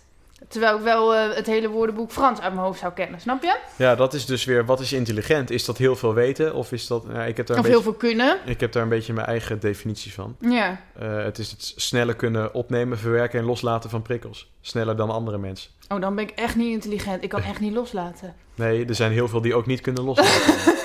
maar het, het kan wel dat het door je hoofd spookt en dan ineens iets binnenkomt. Mhm. Het verwerkt wordt en er weer uitgaat. Maar loslaten is inderdaad nog wel een ding waar ook intelligente mensen moeite mee hebben. Omdat het gewoon in je harde schijf opgeslagen Ja, blijft. maar jij zegt net dat je intelligent bent als je prikkels dus en snel kan werken en kan loslaten. Ja, opnemen, verwerken en loslaten. Maar Ja. sneller dan anderen. Maar goed, dat betekent niet dat je het alle drie in één keer meteen tegelijk kan. Nee. Maar opnemen en verwerken, dat sowieso. Ja. Eh, loslaten, dat hoort eigenlijk ook bij dingen in het leven. Ja. Maar daar hebben meer mensen moeite mee. ja, maar ook als je je informatie allemaal vasthoudt, dan ben je ook weer intelligent. Dan ben je een soort eh, wandelend eh, woordenboek, zeg maar. Ja, maar je, je moet ook de informatie die niet relevant is kunnen filteren. Ja, dat kan niet En, en, en die los kunnen laten. Ja. Maar eh, zodat er weer ruimte is voor nieuwe informatie. Maar dat is denk ik ook wel iets wat je zelf aan moet leren. ja. Dus het loslaten, ja, ja ha- hangt, hangt een beetje van de situatie af, denk ik. In ieder geval, IQ-testen, ik, er zullen dingen zijn ehm, waarin ze betrouwbaar zijn. Maar ik vind bijvoorbeeld iemand testen op algemene kennis, denk ik... Nou, ik denk dat je heel slim kan zijn, over heel veel onderwerpen iets kan weten... eh, maar dan eh, heel veel algemene weetjes niet weet. Mhm. En dan vind ik dus niet dat je daarmee een IQ kan bepalen. Ja, maar als je sneller kan opnemen en verwerken... Mhm. en dan in de wereld net zoveel algemene kennis absorbeert als iemand anders... of net zoveel tijd dat Mhm. absorbeert... dan zou je meer algemene kennis moeten hebben. Als je slimmer bent dan die andere persoon. Mhm. Maar ja, dat is niet eerlijk. Want niet iedereen krijgt dezelfde algemene kennis op hun bord. Nee. En het heeft ook nog te maken met eh, wat je ouders je ook meegeven, Ja, precies. je omgeving. Dus eigenlijk, als, als je een IQ-test zou nemen, dan moet je iemand helemaal brainwashen. en dan moet je dus iedereen eh, hetzelfde tijds, eh, tijdsbestek geven aan, om iets te leren en kijken wie het meest onthouden heeft. Ja, maar ook, ik had bijvoorbeeld, ehm, ik heb dus al heel veel in het onderwijs eh, stage gelopen, gewerkt en dat soort Mhm. dingen. En toen was er één jongen in die klas die ik les gaf en die had ook een IQ-test gedaan. Die had een heel laag IQ, maar die was pas twee jaar in Nederland en hij had de IQ-test in het Nederlands gedaan. Oh, ja. Toen dacht ik, ja, dan snap ik best dat hij eh, niet zo slim is, zeg Dat, maar. dat is, ja, dat maakt het wel heel erg moeilijk inderdaad. Nou ja, dat soort dingen. Maar wat ik ook nog heb van... ehm, nou, je kan dus bijvoorbeeld misschien heel veel kennis onthouden. Mhm. Maar... ehm, wat zou ik daar nou over zeggen? Nou, bijvoorbeeld mensen in het praktijkonderwijs... die eh, leren eh, schuren, zagen, schilderen, metaal bewerken... schoonmaken, koken. Praktische dingen. Ja. Ja. En nou, daar heb je ook behoorlijk wat hersencapaciteit nodig om dat te kunnen doen. Mhm. Want heel, heel veel universitair opgeleide mensen... die zijn daar allemaal niet zo goed in... en die hebben die mensen wel heel hard nodig. ja. Ehm, ja, dus het is misschien ander soort kennis en vaardigheden. Maar betekent dat gelijk dat ze minder slim zijn? Het is gewoon andere soort manieren van werken. ja, je hebt theoretisch en praktisch leren inderdaad. Ja, Maar het is dan wel gek als je het zo benoemt dat het dan de laagste laag van het middelbaar onderwijs is. Mhm. Dat, of dat het zo gezien wordt. Van, oh ja, die kan niet zoveel, dus die gaat naar praktijkonderwijs. ja nou in ieder geval, Ja. dat vind ik dus sowieso... Eigenlijk vind ik dat ze eh, hoger onderwijs geen hoger onderwijs meer zouden moeten noemen. Eh, gewoon, je hebt praktisch leren of je hebt theoretisch leren, zeg maar. Ja, Want anders dan eh, voelen bepaalde mensen zich veel beter dan de rest, zeg maar. Terwijl ze nog niet eens, ehm, weet ik veel, iets in elkaar kunnen timmeren of zo. Niet dat ik dat kan, hè, even voor duidelijkheid. Maar snap je, als, ze, als hun eh, deur kapot is, hebben ze een timmerman nodig. Ehm, wat wel, ja, shit, wat wil ik nou zeggen? Nou, die mensen voelen zich dan zogenaamd beter. En die mensen in het praktijkonderwijs, die voelen zich helemaal slecht van... Oh, ik ben dom en ik kan niks. Terwijl die echt superveel dingen kunnen maken. En dingen kunnen die heel veel andere mensen niet kunnen. ja. En daarbij, sorry dat ik nu misschien je hele podcast bijna overneem. Is jouw, podcast, ja, hè? je hele verhaal. Eh, daarbij is het ook van... eh, je hersenen zijn plastisch. Dus je kan altijd nieuwe dingen leren en nieuwe vaardigheden. Maar als mensen dus lager eh, opgeleid worden genoemd... dan kunnen ze het gevoel krijgen dat ze dus ook minder zijn of minder waard... en minder kunnen. Mhm. En door die overtuiging kunnen ze dus tegengehouden worden in een leerproces. Ja, dan, dat is inderdaad de mindset die dan in je, Ja. jou in de weg zit. Van, oh, ik kan niet zoveel, dus ik ga ook doen alsof ik niet zoveel kan. ja. En dat, dat zit dan onbewust in je hoofd. Want het Ja. klinkt best raar als je dat zo uitspreekt. Ja. Dus ik vind dat- het dat eigenlijk zijn bijna inderdaad- mishandeling dat we, dat we zeggen lager opgeleid. Dat vind ik gewoon, is gewoon uitschelden. Ja, dat, dat zijn inderdaad die labels waar, eh, waar je voor uit moet kijken. Ja. Het is, het is een mooie filosofie inderdaad. Het Ja. is niet dat ik dat ook ineens in één keer kan veranderen. maar ja, ik ben, en ik ben jij, het wel maar jij eens. zegt dus ook van in een spelvorm leren mensen makkelijker. Mhm. Nou, die mensen zijn al praktisch en die doen het gewoon gelijk. ja, En, en die, eh Dat is die VWO'ers, die zitten alleen maar met hun neus in de boeken en die doen eh, voor de rest helemaal niet even heel zwart-wit gezegd. Hè? nou, ik ben het er wel mee eens. ik heb het van dichtbij gezien. Je leert Nou, alleen dus maar breder wie, te denken. Dus wie eh, is er dan... ja, beter. Niemand is beter. Maar Nee. snap je? Iedereen heeft natuurlijk wel zijn eigen kwaliteiten die een Ja. ander weer kan gebruiken. En toen ik dus in dat praktijkonderwijs stage liep, moesten die leerlingen ook... Dat was dan ook van hoger af bedacht. Moesten ze een verslag typen wat ze die dag hadden gedaan. Maar ze konden niet goed zinnen maken en schrijven. Ja. Dus toen was het, ik had vandaag houtles. Houtles. Weet je wel, Ja. eh, het was leuk. Dan denk ik, Mhm. aan dat soort verslagen hebben wij om te lezen helemaal niks. Nee. Maar ook laat die mensen gewoon lekker, lekker werken, weet je wel. Dat kunnen ze goed. Mhm. En eh, dat hoeft toch allemaal niet op de manier zoals iemand Ja. die met zijn hoofd denkt dat heeft bedacht.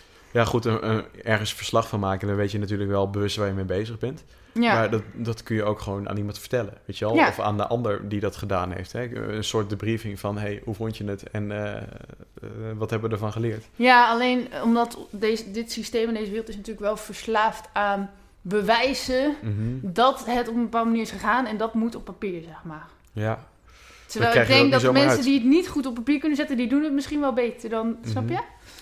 Nou ja, goed. Maar uiteindelijk is het denk ik niet een wedstrijdje om wie er beter is, maar dat praktische mensen en theoretische mensen elkaar gaan aanvullen en van elkaar gaan leren. Ja, lijkt mij. ik ben het er helemaal mee eens. Oké, nu als ik te veel praat, moet je gewoon even zeggen dat ik stil moet zijn. Ik zit in een praatflow. Die heb, ik ook, die heb ik ook wel eens. Maar ik denk dat ik die eh, de, rest, of de, de andere drie kwart eh, tot nu toe gehad heb. Even kijken. Ik ga je weer vragen stellen, anders dan blijf ik. Ehm, mm, mm. Ja, oké. Dus ik heb ook eh, kritische vragen. Oeh, leuk.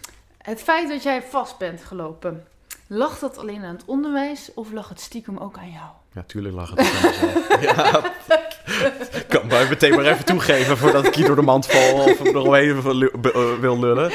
Nee, maar dat is natuurlijk wel wat we heel snel doen. Van, eh, ik heb iets meegemaakt wat niet goed ging. En daarom wil ik de wereld verbeteren. Maar ja, uiteindelijk wil je gewoon jezelf verbeteren. Ja, ik wil mijn eigen problemen oplossen Ja. voor anderen, zodat zij dat niet hoeven, eh, hoeven te hebben. Ja.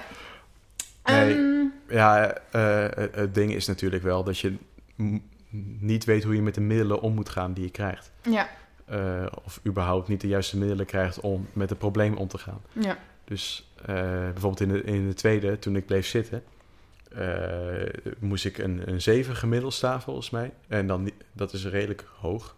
Normaal heb je niet eens eh aangemiddelde. Je moet gewoon in ieder geval geen, niet meer dan drie tekort hebben. Mhm.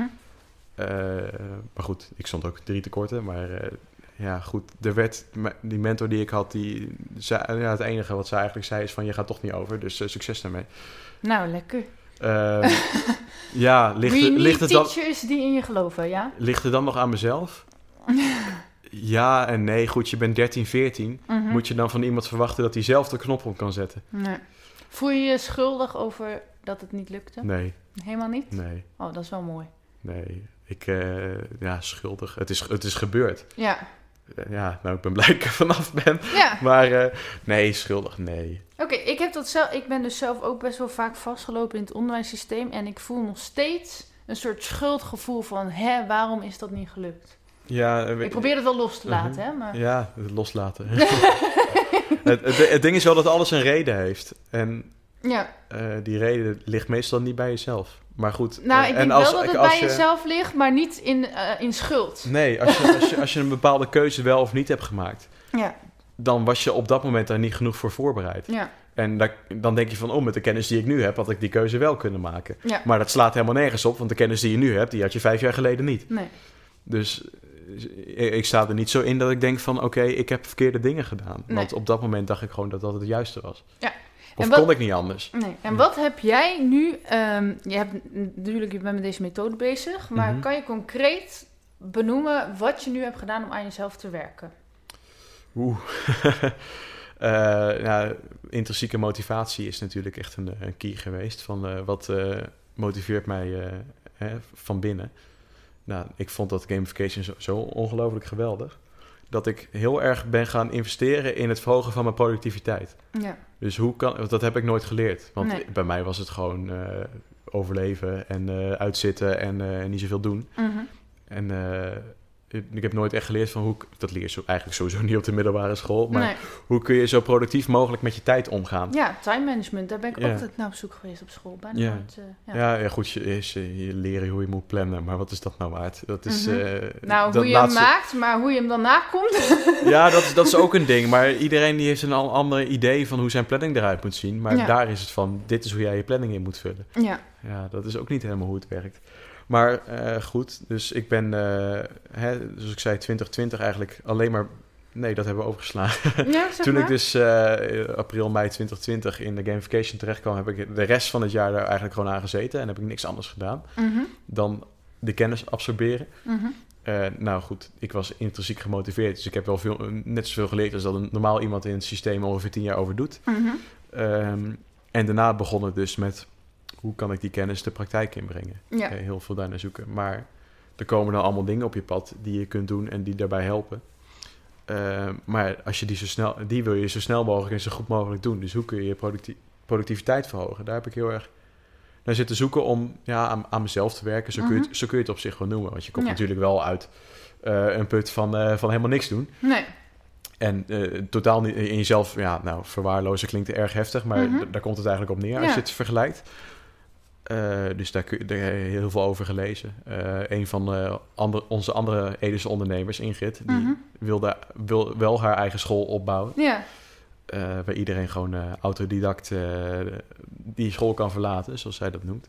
Ja, dat vind En- ik eigenlijk een Ja. niet om nu haar Ja. af te kraken, maar autodidact betekent juist dat je niet naar school gaat, toch? Ja, Maar goed, dat, ik vond ik, het ga, wel ik, ga, je geen- ik ga je geen discussie Sorry, over... ik- nee, dat, was, dat is een vraag, dus Ja. eh, dat mag ze later beantwoorden. Ja, ik hoop dat ze luistert. Ja, maar dat is niet dat ik er nu aanval. Ja, Ehm, maar zij, zij stuurde mij dus wat een beetje het programma is. Ik denk van ja, maar weet je, dit, dit scheelt gewoon weer 50 zelfhelpboeken lezen. Ja. In, op, in je, op, als je 20 bent, Mhm. in je 20 jaren. Ehm, goed, ik heb er geen 50 gelezen, maar ja, dat is mijn hobby, zoveel boeken lezen. Dus, ik vind, eh, eh, ik vind, vind lezen altijd wel heel erg fijn. Ja. Ja. Zeker als je dus iets van leert. Hè? Ja. Dat lezen is overgekomen van het kennis absorberen van eh, gamification. Maar ook van hoe kan ik die kennis zo goed mogelijk benutten? Hoe kan ik dat zo, hoe kan ik zoveel mogelijk uit mijn tijd halen? Ja. Kijk, ik, ik ben dan 18, mhm. maar ik heb 17 jaar lang niks gedaan. Ja, Ja, dat, dat, is- nou, dat, is overdreven. Je, je poept niet meer in je broek, dus je hebt je ontwikkeld. Ja, maar, maar ja, dat is maar één basisdingetje. Je hebt echt nog wel heel veel geleerd die afgelopen 18 jaar, hoor. ja, oké. 17 jaar dus dan. Ja, maar dat, dat is biologische ontwikkeling. je, je hebt ook gewoon carrièreontwikkeling Ja. en eh, persoonlijke ontwikkeling. Ja, Eh, ja, en kennisontwikkeling. ja, Ja, dat, dat, heeft heel lang stilgezeten. Dus dat moet ik even inhalen. ja. Ik herken wel echt heel veel van mezelf. Want ik ben dus vroeger eh, vanaf mijn dertiende heel depressief geweest. Ik ben er nog steeds gevoelig voor. Maar ik heb wel allemaal methodes hoe ik dus inderdaad mezelf kan motiveren. Mhm. Ehm, hoe ik soms kan accepteren dat het even zo is. Maar ook inderdaad dat ik heel veel met time management ehm, doe. Life hacks. ehm, Ja. nou ja, van alles. Eh, wat wil ik er nou over zeggen?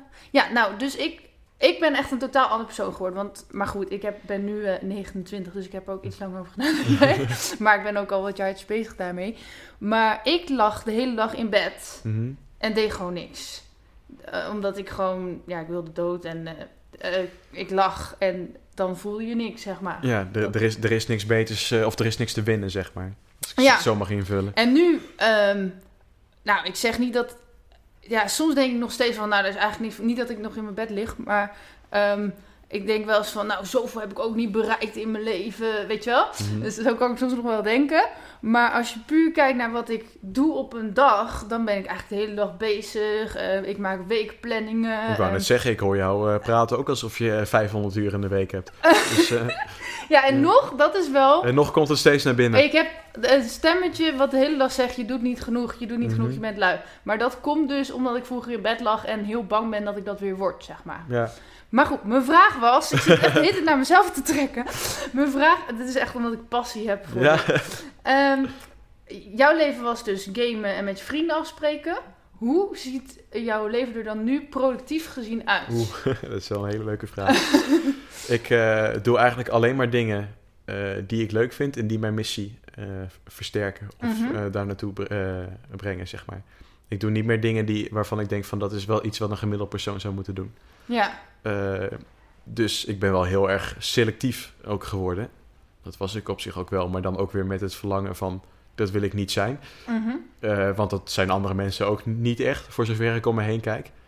De middelbare schoolperiode, of gewoon, dat is voor iedereen heel erg kijken naar andere mensen en ja. hoe de gemiddelde persoon het doet. En hopen dat je niet achteraan eh, in de kudde aansluit of daar wordt achtergelaten. mhm. Dan spreek ik alleen, echt niet alleen voor mezelf, maar niemand die praat erover op de middelbare school. ja. Ehm, dus ik doe eigenlijk alleen maar dingen die dat versterken. Dus En wat eh, zijn dat voor dingen? ja, natuurlijk eraan werken. Ja, Eh, maar ja, je, je hebt inderdaad dingen die, je- die je productiviteit versterken, zeg maar. mhm. Sporten doe ik veel. Eh, ik voetbal ook nog steeds.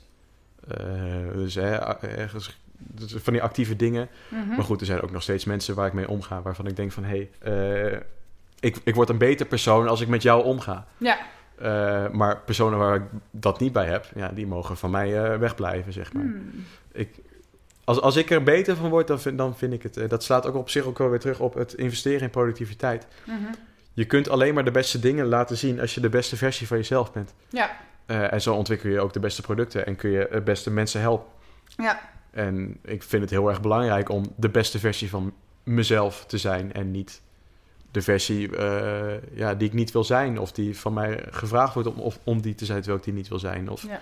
Eh, hè, er zijn ook genoeg mensen die dat zeggen van je bent het gemiddelde van de vijf personen om je heen. Of de, vijf, de vijf personen die het meest spreekt om je heen. Ja, alleen soms vind ik het ook wel weer hard, omdat ze dan zeggen van laat mensen vallen die je naar beneden halen of zo. Dan denk Mhm. ik, nou, ik kan ook mensen die bijvoorbeeld niet zo lekker in hun vel zitten, een beetje motiveren door ze Mhm. te bezoeken. Ik moet er alleen niet te veel van in mijn leven hebben, want dan word ik Ja. echt naar beneden getrokken, zeg maar. Ja, maar naar, naar beneden trekken, dat is vaak ook wat er gebeurt voordat er iets positiefs komt.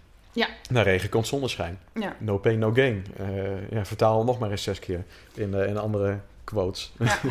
Wat eigenlijk best wel verschrikkelijk klinkt als je dat ineens in de ronde schreeuwt. Maar eh, dus als ik jouw eh, verandering zou moeten omschrijven, was het dus iemand die, nou ja, in jouw woorden niks deed. Ik denk dat je nog steeds wel heel veel deed, maar... niks, niks productiefs, eh, niks, niks, waardoor kan groeien. Iemand die gewoon niet wilde leren, Mhm. eh, ben je veranderd in iemand die leert over hoe je leert. Ja, De hele dag. heb, heb je wel mooi gezegd. ja.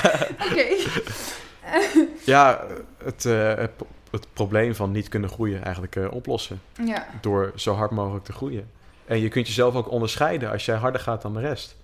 We hadden het net voor de podcast over. Iemand die Mhm. zegt dat ik op Elon Musk lijk. maar ja, die gaat, ook als, die gaat ook als een trein, zeg maar. Die stopt Mhm. ook niet. Nou goed, ik heb, ik heb niet zoveel superkrachten, zeg maar. Je moet ook een keer tot rust komen. Mhm. Ik ben ook een mens. Ja. en tot rust komen vind ik dus ook weer investeren in, Ja. in mezelf. Ja. Ehm, dus dat, dat hoort er allemaal bij. En ik vind, eh, zo kun je van jezelf van anderen onderscheiden. Ja. Als je gewoon lekker hard gaat. Mhm. En ja, dan, dan ben je ook weer inspirerend naar andere mensen, wat jou weer motiveert om nog verder te gaan. Ja. En tegelijkertijd zit ik ook een beetje... ehm, We zitten natuurlijk wel in een soort prestatiegerichte maatschappij. Mhm. Waarbij alles een wedstrijdje is. Ja. Ehm, en dat, voor sommigen werkt dat heel goed. Mhm. Maar voor sommigen is het misschien juist heel frustrerend dat alles een wedstrijdje is. En eh, bijvoorbeeld ook als je de hele dag op social media zit en je ziet eh, allemaal succesvolle mensen. En dan denk je, ja, dat wil ik ook. Maar dan denk je van, ja, dat kan ik allemaal niet. En ik wil daar ook goed in zijn, daar ook goed in zijn. Dat is ook heel frustrerend, zeg maar. Dus het kan inspirerend zijn, Mhm. maar het kan ook heel frustrerend zijn. Ja, ik snap heel goed wat je bedoelt. Maar ik en- ga toch het antwoord geven ja. wat je niet wil horen. Ja, zeg maar. Voor mij is alles een wedstrijd.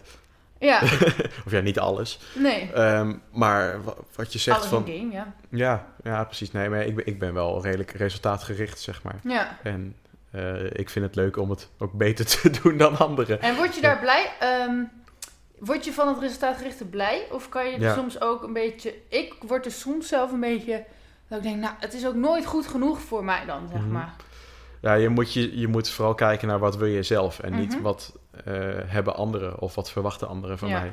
Eh, wat je zegt, je kunt inderdaad eh, elke dag op Instagram gaan zitten kijken naar mensen die het veel beter voor, voor elkaar hebben. Dat kan Mhm. motiverend werken. Maar en je kan, ziet ook maar één kant, want je weet natuurlijk niet wat zij allemaal niet voor elkaar ja, hebben. je vergelijkt eigenlijk, als je dat doet, vergelijk je jouw achterkant met hun voorkant. Ja, Ja, als ze, als ze, nou, ik als heb een goede iets- achterkant hoor. Nee, maar. Grapje. Ja. Zo verder.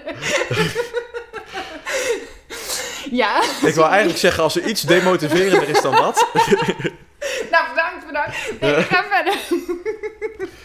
als er iets eh, demotiverender is dan, eh, dat, dat- ja, er is niks demotiverender dat jouw eigen achterkant met de voorkant vergelijkt met Ja. iemand anders. Dan is het van, waarom heeft hij het zoveel beter voor elkaar? Ja.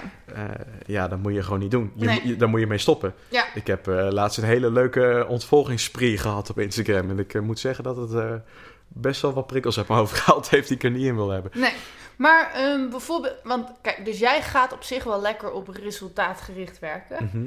Is volgens mij, ik denk soms een beetje in mannelijke en vrouwelijke energie, want ik zit ook een beetje in die spirituele wereld en zo. Volgens mij is dat iets heel mannelijks. Mannen houden Mhm. van wedstrijden en presteren en Ja. ja. dat. En beter zijn dan een ander. En de vrouwelijke energie is meer acceptatie, eh, doen omdat het leuk is, Mhm. samen, gezellig. En we hebben het allemaal, hè, dus het is een beetje zwart-wit gezegd zo. Ehm, maar zou het dan misschien voor sommige mensen niet beter zijn als we juist geen cijfers zouden krijgen? Als het juist niet wedstrijdgericht is, maar dat we doen omdat het leuk is en gezellig. En... Ja, het, het ding met cijfers is sowieso dat Mhm. mensen super bang zijn om beoordeeld te worden. ja. Dat, dat is gewoon heel raar. Waarom zou jij beoordeeld moeten worden? Mhm. Je wilt toch zelf iets doen waarvan jij denkt van... oké, daar kan ik wat mee. En Ja. ik zie het resultaat in de dingen die ik doe. Mhm. Maar wat ik ook al eerder aangaf... het is heel erg moeilijk om in één klap het systeem te veranderen. Ja. Ik- het liefst doe ik dat stukje bij beetje. Want eigenlijk zitten mensen daar dan ook weer niet op te wachten. Want dan heeft iedereen daar een andere mening over. Ja. Eh, dus ja, cijfers kun je wel anders aanpakken. Hoe dan? ehm, nou, wat, je, wat je nu in het Soul-systeem ziet. Je moet een 5,5 halen en anders is het rood. Ja. Ja, nou, je kunt al één dingetje aanpassen en alles boven de 5,5 groen maken. Dat is al, eh, hè, dat stimuleer meer positieve emoties. Mhm. Maar je werkt eigenlijk van boven naar beneden. Dus het wordt met het punt dat je verliest steeds erger. Dus het is een constant verliespunt, verliespunt. Oké, dit heb je niet gehaald, twee puntjes eraf. Nou heb je 9,8. Dit heb je fout, nou heb je 9,5 en, enzovoort. Ja. In videogames werken ze van onder naar boven. Hè, welke rank haal jij? Eh, Clash of Clans, hoeveel trofeeën heb je? Mhm. Eh, welk level zit je? Eh, op Candy Crush. doe ik wel echt de meest basisspelletjes die ik zelf dan Mhm. niet speel. Maar, Nee. Maar Eh, maar niet- van, van Mhm. onder naar boven, dan word je dus positief gestimuleerd. Ja. Eh, maar alsnog word je dan wel beoordeeld. Want Ja. als jij bij level 14 zit en de ander bij, eh, bij, bij level 21, dan denk je van. dus daarom is het handig om in klassementen te zitten van andere mensen die dicht bij jou in de buurt zitten. Ja. Dus hè, ga, Ja, dus dat samen je- op met Mhm. iemand die level 15 zit of level 13. Ja, maar aan de andere kant, als 14 je echt ehm, met mensen zit, ik weet niet hoeveel levels er zijn, maar Ja, je doet voor, er ook ik ben een level 15 Mhm. en ehm, ik wil naar level 50 en ik ga met alleen maar mensen om uit level 50. nou, dan, moet je, dan moet je echt een natuurtalent zijn. hoor, Oké, dat maar dan snap ik ze misschien niet gelijk. Mhm. Maar ik word wel vrienden met ze en dan gaan ze me misschien mogen en dan gaan ze me helpen om in level 50 te komen. Het is alleen een hele grote stap. Ja. Eh, ik kan heel trots zijn als ik eh 5 kilometer hardloop in 20 minuten. Mhm. Maar als ik dan iemand zie die dat in 10 minuten doet, ja, ja sorry hoor, maar dat, dat gaat echt heel erg lang duren voordat ik dat voor elkaar krijg. En daar, daar moet je dan onderweg moet je voor erkend worden, want anders is de weg daar naartoe gewoon te lang. Ja, Eh, dus daarom is het handig om mee te gaan met de mensen die eigenlijk net iets beter zijn dan Ja. jij. Als je bijvoorbeeld flow En- wil creëren, Mhm. Hè, dus echt het moment dat de tijd stilstaat en dat je eh, voor je gevoel en dat je lekker gewoon door kan werken, gewoon urenlang achter elkaar. Dan moet eigenlijk de opdracht die jij Mhm. doet, moet ongeveer 4% moeilijker zijn dan de huidige skillset die jij hebt. ja. Dan de huidige of, eh, dingen die je kan. Mhm. Als het net iets moeilijker is, dan is het leuk. Ja. Dus eh, dat is in een gamification design wat complexer natuurlijk dan het product dat ik aan het ontwikkelen ben, maar wel voor in de toekomst. Eh, iets interessants. Eh, zijn dat wel de dingen of de regels waar je aan moet houden? Van maak, het, hè, Mhm. maak mensen niet. Hè, als het te moeilijk is, dan worden mensen bang. Mhm. En als het te makkelijk is, dan vinden mensen het niet leuk en vinden ze het saai. Ja. Dus je moet de juiste balans daarin vinden. Ja, en, maar ik doe bijvoorbeeld aan yoga. Mhm. En wat het fijn is aan yoga is... eh, nou ja, sommige leraren geven ook wel eens compliment hoor. Dus, en dat vind ik ook lief en leuk. Maar tegelijkertijd, als, ja, dat is misschien ook mijn visie. Maar als het echt goede yoga is, hoor je eigenlijk geen complimenten te krijgen. Want dan doe je het echt voor jezelf. Mhm. Doe je je oefening. En elke dag is je lichaam anders. Eh, elke dag is er verbetering voor jou. Maar je gaat ook niet...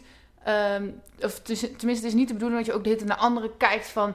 Oh, die is beter. Maar wel Mhm. van... Oh, zo kan het ook, bijvoorbeeld. Mhm. Ehm, maar, maar niet... Het is geen wedstrijdje of zo. En, en het is heel vaak in stilte. En eh, gewoon, je oefent met eigenlijk helemaal niks ervan vinden... maar het gewoon doen omdat je Mhm. het doet. Ja. Ehm, nou ja, een lang verhaal kort. Dat lukt al niet meer, maar... Van, eh, ja, eh, is die beloning per se nodig? Zou het niet voor sommigen beter zijn dat, dat we helemaal geen beloningen doen?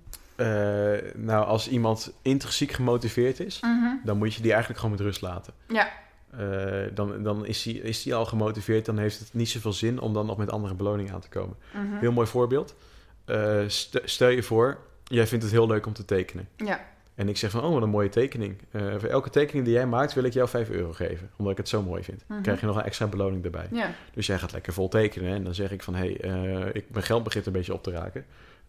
Voor nu krijg jij 2,50. Mhm. Of helemaal niks. En dan denk je Mhm. van, huh? Maar net kreeg ik nog 5 euro. En nou krijg ik dus minder geld. mhm. Waarom zou ik dan nog een tekening gaan maken? ja, Terwijl je het eerst voor niks deed. ja. Dat is, is hoe extrinsieke beloningen, intrinsieke beloningen gewoon kapot kunnen maken. Dus eigenlijk zou ik niet geld moeten willen verdienen met mijn passies, zeg je dat? Nee, dat zeg ik niet. Ja? je, je, je hebt, je hebt geld nodig. Ja.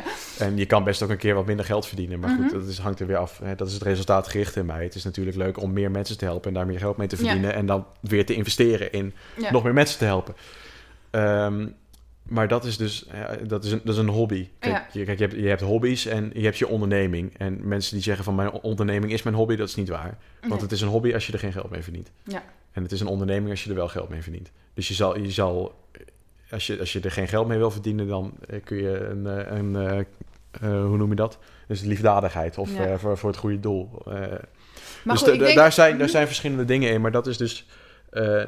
nee, je Mhm. moet met je passie er wel geld verdienen. Ja, maar, daar ging de vraag niet om, ja? Nee, de vraag ging om van wat moet je doen met mensen die al gemotiveerd Ja. zijn. En die moet je eigenlijk gewoon met rust laten. Ja. Ehm, je kunt wel intrinsieke motivatie stimuleren. Mhm. Want dat is ook heel erg belangrijk. Je moet mensen zowel extrinsiek als intrinsiek motiveren. En dat kun je doen met creativiteit, autonomie, eh, sociale druk Ja, of dus eh, het is een herkenning. balans van... Ja. Dus het gaat niet alleen om belonen, maar een balans van al die dingen samen. Ja, En de ene heeft dit meer nodig en de ander dat intrinsieke beloningen is, is een leuk, zijn leuke ervaringen. Ja. En als je ergens een leuke ervaring aan beleeft, dan word jij gestim of hè, krijg je vanzelf die drive van Ja. ik wil dat vaker doen. Ja. Net zoals dat hè, leerlingen met, met mijn methode aan de slag gaan. Mhm. Die vinden het leuk om hun ouders uit te dagen. Dus dat gaan ze in de toekomst dan ook weer, gaan, weer doen. Dan vinden Ja. ze het minder erg dan dat ze eh, naar een boek moeten gaan zitten kijken. Ja. Want dat is minder leuk. Dus dan krijg je er van vooraf ook minder zin in. Ik was eh, vorig jaar of zo... eh, ik geef dus soms lessen op scholen. Mhm. Eh, en ik was op een reformatorische school. Oké. Ehm, en ik was mijn spullen aan het opruimen, want ik was klaar met die les. En toen ging de leraar alvast verder. En die zette alle cijfers op het bord. en ehm, toen ehm, ging hij zogenaamd het systeem uitleggen over hoe, hoe de... Want het waren brugklassers. Mhm. Over hoe dat dan werkt met de cijfers. Maar toen was het... Nou Jantje, lees jij eens even alle cijfers voor van iedereen uit de klas. en toen was het van... Ja, dus als je dan naar Hendrik kijkt... Wat eh, zien we dan bij Hendrik? Dat hij waarschijnlijk niet overgaat. En zo was hij dat van heel de klas aan het doen. En ik dacht echt, nou, dat doe je toch niet? Dat, hoe ze dat, dat is hoe je dat vroeger deed, maar dat doe je toch tegenwoordig niet zo? Ik weet niet zo goed welke blik ik moet trekken. Want ik denk gewoon dat ik hem heb ingeslikt. Ja, nou, ik zat echt van, wat gebeurt hier? Dit doe je toch niet? Nou, en toen dacht ik, oké, hier moet ik wat van zeggen. Ook al Mhm. weet ik dat reformatorisch onderwijs misschien nog een beetje ouderwetser is. En ehm, hè, ben ik hier de weer... De, Degene de, die beter moet weten. eh, de- de vreemde, zeg maar. Eh, ik dacht van, nee, dit kan ik niet zo laten zijn. Mhm. Dus ik zei zo, sorry meneer, maar ik moet hier echt even wat van zeggen. En terecht. En toen zei hij van, "Huh, ja, wat? Ik zeg zo van, nou, ik vind dit eigenlijk... Ik zeg, ik- als u het echt bedoelt om, om het cijfersysteem uit te leggen, ik- dan eh, ga ik uit van uw goede bedoelingen. Ik zeg, maar ik vind dit niet... Ik zeg, straks gaan ze elkaar pesten met deze cijfers. Ja. Ik vind dat niet... eh, dus ik zei ook tegen die klas van, jongens, ik hoop echt dat jullie ehm, hierin elkaar gaan helpen om verder te komen. En eh, Mhm. dat jullie niet elkaar gaan afkraken omdat iemand minder goed presteert. En toen zei hij, nee, dat is niet de bedoeling. Maar ik dacht van, nou, Ja, goed. de- de- of, of de bedoeling is, dat zie je pas in de praktijk. Ja. Eh, dat kun je niet van, eh, van, van tevoren zeggen. Maar goed, ik denk niet dat mijn opmerking echt invloed heeft gehad. Nou, maar ik kon het niet ja. inslikken, zeg Nee, maar. nee, zeker. Maar dat heeft voor jezelf natuurlijk wel weer een idee van... oké, ik heb er toch wat over gezegd. Anders Ja. zit je daar nog steeds met een schuldgevoel. Ja. Doe mij denken aan een heel leuk verhaal. Mhm. Was ook in, het, eh, of in de tweede toen ik bleef zitten. Toen kregen wij eh, een Duitse toets terug. En toen zei de docent van... nou, het is heel erg wisselvallig. Ik heb echt cijfers van 1 tot en met 10. Ik van, oké, eh, leuk. En toen werden gewoon die toetsen uitgedeeld. Dus je krijgt niet iedereen... Hè, dat is ons de beurt dat je een beetje je cijfer krijgt. Mhm. Eh, dus diegene naast mij, die kreeg al eerder zijn toets dan ik. En er stond een 2,3. En ik zat hem helemaal uit te lachen. Dat, ja, dat doe je Mhm. eh, op de middelbare school. Ja, En toen kreeg ik mijn toets, bam, 1,4. nou ja, dan kon je samen lachen. ja, precies. En dan denk je toch van... Oh. dus dat is, dat is wel, weet je, dat maakt toch impact. Of je het nou interesseert of niet. Een Ja. slecht cijfer halen is nooit leuk. Nee. Of je, of je nou wel of niet een goed cijfer haalt of niet. Het is gewoon... Er zijn nog 60 andere ogen die naar jou kijken... Ja. alsof het niet de bedoeling is. En, En dan- tegelijkertijd, als je samen gamet en je ziet dat die ander die game niet heeft gehaald, dan vind ik het weer minder erg. Terwijl het eigenlijk Ja. misschien wel hetzelfde is. Ja, ja is, is wel zo. Want het, het, het is gewoon taboe om, eh, om een onvoldoende te halen. Ja. En daardoor kun je dus mensen eigenlijk meer traumatiseren... Ja. dan motiveren om het voortaan beter te doen. ja. Dus eigenlijk nemen we dan misschien het onderwijssysteem wel te serieus. ja, misschien moet het meer zien Ja. als een spelletje.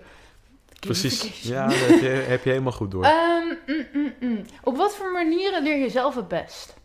Oeh, eh, ja, eh, als ik, als, ik het, als ik in ieder geval gemotiveerd ben of hè, het iets interessant vind wat ik wil leren Mhm. en het gewoon zelf ga onderzoeken, da- daar leer ik het eh, zelf het beste van. Dat is ook wel heel mooi, want ik zeg de hele tijd, ik wil mijn eigen probleem oplossen. Mhm. Ik denk als ik die motivatiemethode zelf heb gehad, dat ik het heb uitgehouden tot de zesde, maar dat ik daarna alsnog dit ben gaan doen. Ja, Want er zijn, ja, eh, in het onderwijs zijn er eh, ja, natuurlijk 100% eh, is leerling, maar onge- 1% daarvan, dat zijn dus je intrinsiek gemotiveerde mensen die gewoon tien halen en het helemaal best vinden. Die moet je gewoon lekker met rust laten. ja, En dan heb je nog 5% mensen die echt vastloopt. ja. Eh, en die zou ik daar dus juist heel erg goed mee kunnen helpen. Eh, zodat die ervaring beter wordt. hè, Mhm. dat je gewoon weer, eh, weer in beweging komt en wat gelukkiger bent. Maar, ja, maar ja, als jij niet was vastgelopen, dan, Mhm. dan had je waarschijnlijk niet geweten dat ik je... het niet gedaan. Dan Nee. had ik die mooie initiatieven niet, Nee. om even mijn ego te strelen. Ja, Maar een groot deel van die 5%, ja, dat komt niet alleen maar omdat je niet gemotiveerd bent, maar ook omdat het jou niet ligt. nee. Eh, dus het- het is niet een oplossing voor iedereen, maar het is wel bedoeld om het beter uit te kunnen houden. Om eh, ook wat mentale problemen terug te dringen. Dus jouw manier van leren is vanuit intrinsieke motivatie, dat is wat je zegt. Ja, en heel erg onderzoekend leren. Dus ik wil zelf iets kiezen wat ik ga leren. Ehm, en dat ga ik ook zelf leren. En Ja. niemand, er is niemand anders, tenzij ik daarom vraag. Mhm. dan klink ik, eh, zit ik echt Ja. klink ik als ik met mijn vingertje zit te wijzen. is eigenlijk ook wel zo. Die, eh, die mij gaat vertellen hoe dat, hoe dat moet. maar is het niet zo... ehm, want nu, ik weet niet of jij al ondernemer bent of gaat worden, maar in Ja, ieder ik geval... sta al ingeschreven. Ja, je bent in ieder geval bezig met ondernemen. Ehm, maar als ondernemer, ja, we streven naar vrijheid, maar eigenlijk zijn er ook nog steeds heel veel regeltjes met belastingaangifte Mhm. en allerlei overheidsregels. ja. ehm, waar je niet om vraagt, maar waar je wel mee te dealen hebt, zeg Mhm. maar. Ja, ja, dat zijn dingen waar ik niet zelf voor kies. Hè? nee, Ja, maar ja, dat je moet er wel dus- mee omgaan. Ja. Ja, nou, dat hangt dus af van de consequentie daarvan. Ja. En de consequentie daarvan, ja, nou goed, je krijgt een boete van, wat is het, 5.500 euro volgens mij, Mhm. als je belasting niet invult. Ja, dat is niet zo leuk. Dus we moeten gewoon boetes uitdelen op scholen. ja, maar dat, dan, dat, is, is dat een goede straf? Kijk, Nee. dat, dat, dat kan niet... Studieschuld vind, besta ik ook Ja, dat is, dat, dat is, eigenlijk ongeveer hetzelfde. Nee, ehm, als, het, als het eh, de ervaring hebt die, die mij heel erg gelukkig maakt als dat, dat schaadt, Mhm. dan weet je dat je dat moet doen. Ja. Eh, en ja, ik wil wel gewoon hiermee doorgaan. Want anders zit ik, kom je weer in de shit. En eh, ben je, weer- moet je weer iets doen wat je niet leuk vindt. Ja. Dus hè, dat zijn dingen die gewoon moeten gebeuren. En ja, goed, als je ouder wordt, dan kun je jezelf er makkelijk overheen zetten. Hoe leert volgens jou de gemiddelde leerling het beste? Eh, nou, eigenlijk leert elke persoon wel eh, het beste gewoon eh, op een spelend bewijs. Dat is nou, Ja. al- al- een beetje cliché-achtig. Eh, als Mhm. ik nou st- dat steeds loop te zeggen. Oh ja, nou ja, maar Ehm, goed, wat is spelende? Ja, nou, wat ik ook al zei, we hebben al ongeveer 250.000 jaar hetzelfde brein. We willen steeds erkend worden. We willen weten dat we effectief zijn in onze omgeving. Dus het begrip instant feedback, dus weet meteen of je wel of niet goed bezig bent, dat helpt heel erg bij het leren. Dat is eigenlijk een van de weinige dingen die je nodig hebt om te leren. Eh, en interesse. Maar ja, instant feedback kan ook weer klinken als shit, ik doe het niet goed, shit, ik doe het niet goed. Ja, maar dan komt er eh, iets eh, motiverends bij dat jou eh, stimuleert om het beter te doen. Ja, Dat, dat hoort er natuurlijk bij. Dat, je moet ook goede feedback kunnen geven. ja. Feedback betekent niet alleen maar je doet het niet goed. Maar je probeert het de volgende keer beter. En dan dit, zeg maar. Dan krijg je iets waar je, waar, waar je, iets om, waar je om geeft. Oké, ik ben eh, nog heel even door mijn vragen aan het scrollen om te kijken dat, Mhm. dat jij ook nog wat nieuws gaat zeggen. nu klinkt het echt op je deed het Ja, waarschijnlijk heb ik al jouw vragen al beantwoord. als, ik er, als ik er eentje probeer te beantwoorden. Eh, mm, mm, mm. Hmm, ja, dit heb je ook al beantwoord. Oké, ik ga gewoon even... Hier staat bijvoorbeeld... Moet er een heel nieuw systeem komen of wil je het bestaande systeem renoveren? Volgens mij zeg je het laatste. Ja, stap voor stap. Mm, ja. Hoe zou jouw ideale school- of onderwijsvorm eruit zien? Dus eh, dat heb je eigenlijk ook al zeg maar van... Je wordt morgen wakker en ehm, de ideale wereld bestaat... Maar wel met onderwijs. In de ideale wereld bestaat geen onderwijs. Nee, maar... hoe, zou die hoe zou het er dan uitzien? Ja, ik denk een beetje een samenvatting van eh, alles wat we behandeld hebben. Ja, Alle technieken en, eh, en dingen en belangrijke dingen die voorbij komen, die horen daar wel in. Ja, Ehm, want het ding, het ding ook is met gamification. Stel je voor, je maakt echt een super deluxe videogame over iets. Eh, net zoals gewoon een echte videogame. Dan zit iedereen alleen maar achter de computer. mhm. Dat is ook niet de bedoeling. nee. Het moet wel ge- gevarieerd zijn. En, maar het is wel ik, ik vind het wel fascinerend als je kijkt naar eh, films eh, bijvoorbeeld. Dat je ziet van bij alle, elke actie die je uitvoert, er wordt gewoon ergens opgeslagen of zo. Of, eh, maar of dat dan weer goed is, dat weet ik niet. Nee. Want we moeten natuurlijk wel mensen blijven. Maar aan de andere kant, de wereld gaat er toch naartoe dat alles steeds digitaler wordt. Mhm. Dus misschien is het ook wel goed dat, Ja. dat het eh, bijvoorbeeld alleen maar achter de computer zou zijn. Ook al Nee, hebben we er een dat- oordeel over. Maar... Dat, nee, dat is voor je gezondheid niet goed. Dat is op meerdere fronten natuurlijk al wel bewezen. Oké, Eh, maar als en je dan bovendien- bijvoorbeeld een VR-wereld hebt waarin je ook moet bewegen. Ja, niet dat het dan goed is. Ja. dan is het ook een Maar, soort- maar frisse buitenlucht is ook heel erg belangrijk. ja. Ehm, ja, iedereen moet gewoon opgeleid worden om de maximale versie van zichzelf te zijn. ja, Dan hoef je niet 100 zelfhulpboeken te lezen op je twintigste. nee. Eh dus ik ben het wel met het idee van Ingrid eens. Ja, en zij, eh, zij sprak mij dus toen ook aan. Ik, zei van, ik, heb, ik had het idee en ik schreef heel groot op, bovenop gamification. Dat heb ik nodig om het over te brengen. Dus daar eh, gaat wel iets heel interessants eh, aankomen, hopelijk. ja. Ehm, Want maar gaan jullie ook samenwerken? Of? Nou, dat zien we na de, na de challenge wel. Ja. Eerst, eerst moet mijn product eruit komen. Ja. Ehm, ja, dat, dat, er zijn zoveel dingen om, om te kunnen doen. Kijk, dat is dan weer het andere ding. Ja. Je leeft 80, 90 jaar. en dan kun je wel zo productief zijn als, als, je, als je wil, maar je, je, je kunt niet alles doen. Dus ik ben heel erg benieuwd wat er dan nog verder op mijn pad komt. Ehm, heb je voorbeelden in het leven? Dus wie zie jij als je voorbeeld? Eh, echt als persoon, zeg maar. Mhm. God. nee, je mag ook zeggen de prullenbak. Maar Nee, nee, die ook niet. Even- sorry, prullenbak was het eerste idee wat me over. Maar ik bedoel, het mag ook een object zijn. ja. Eh, eigenlijk de persoon die ik eh, wil zijn over een aantal of over een bepaalde tijdsperiode. Hmm. Dus, dus stel je, volgend jaar wil ik daar staan. Mhm. Ja, dan leef je daar naartoe. Dat is een beetje eh, iets wat ik wil bereiken. Nou, de volgende vraag is: hoe ziet je leven eruit over 20 jaar? Dus Oh, 20 jaar, jeetje, Ja. dat is wel echt. eh, ja, dan is alles mogelijk. Dus ja, het- zo. 20 jaar. Mhm. Nou, wat- een idee of een pad wat ik in mijn hoofd heb, wat ik graag wil bewandelen om echt het onderwijssysteem te kunnen veranderen, Mhm. is hiermee beginnen. Dus ervoor zorgen dat leerlingen een betere ervaring krijgen. Mhm. eh, makkelijker beter kunnen leren, eh, hè, betere resultaten halen, beter in hun vel zitten. Uh, maar dat wordt niet in het onderwijs gedaan, maar eh, dat wordt uiteindelijk wel opgemerkt. ja. Dus dan heb je heel veel ouders die je helpt, eh, idealiter. Eh, daar gaan we natuurlijk voor. Mhm. Ehm, die, die, die dat ook opmerken en die denken van... hé, hey, kan ik die als leger inzetten om het onderwijs binnen te vallen... om het dan binnen het onderwijs te gaan doen. ja. Dus je zou bijvoorbeeld eh, schoolmethodes zou je kunnen gamificeren... of je eigen kunnen maken. Mhm. Eh, dus en dan heb je eigenlijk een beetje de monopolie in handen. Want eh, ook weer in, in een ideaal beeld, maar goed, daar gaan we voor. Hè? 20 Mhm. jaar is heel veel mogelijk. ja. Ehm, want jij bent de enige die gamification gebruikt en jij bent de enige die het heel leuk vindt. En de anderen zitten nog ouderwets vanuit een boek of vanuit, eh, vanaf de laptop te leren. Met tekst en een schrift. Eh, dus dat helpt niet. En als je dan hè, chef, eh, chef schoolmethode bent van heel Nederland... dan kun je zeggen van... hé, hey, maar jongens, de inhoud van de stof... die deugt eigenlijk helemaal niet. Mhm. En dan luisteren mensen naar je. Dan kun je gaan denken van... hé, hey, eh, wat zijn dingen die we wel op school moeten leren? Dus durf je uit te spreken: ik wil over 20 jaar de chef onderwijs gamification van Nederland zijn? Of... Ik hoop wel dat ik een groot aandeel heb of, in, het, eh, in het verbeteren van het onderwijs. Oké. Eh, En ehm, privé? Heb je ook nog, eh, weet ik veel, iets van een gezin of andere hobby's? Of ja, dan? Tenminste, ja, je hebt nu natuurlijk ook gezin, maar ik gok dat je nog geen kinderen hebt. Nee, nee dat, zover is het nog niet. Op je achttiende. Nee. Het kan, het kan. Nou, daar heb ik daar mijn handen vol aan, denk ik. Nee, kinderen, is- dat is, dat is, gaan we een heel ander onderwerp Ja, sorry, maar ik wil ook gewoon wat over de Ja. privé doe weten. Ja. Het gaat niet per se om kinderen, maar Nee. het gaat om Ja, van... gewoon de privé Ja, Eh, nou, ik vind het heel erg belangrijk om gewoon eh, ja, tot rust te komen. Maar eh, naast hetgeen wat je doet, maar dat is ook weer om je productiviteit te boosten. ja, en hoe kom jij tot Eh, rust? Eh, ja, eh, ik sport veel. Ik, eh, Ja, wat voor sport doe je dan eh, ik, ik ga gewoon naar de sportschool. En, oh ik, ja, en, en ik, vo- en ik voetbal. Ja. Heel, heel leuk verhaal. Vanochtend om kwart voor zes stond Mhm. ik op het voetbalveld.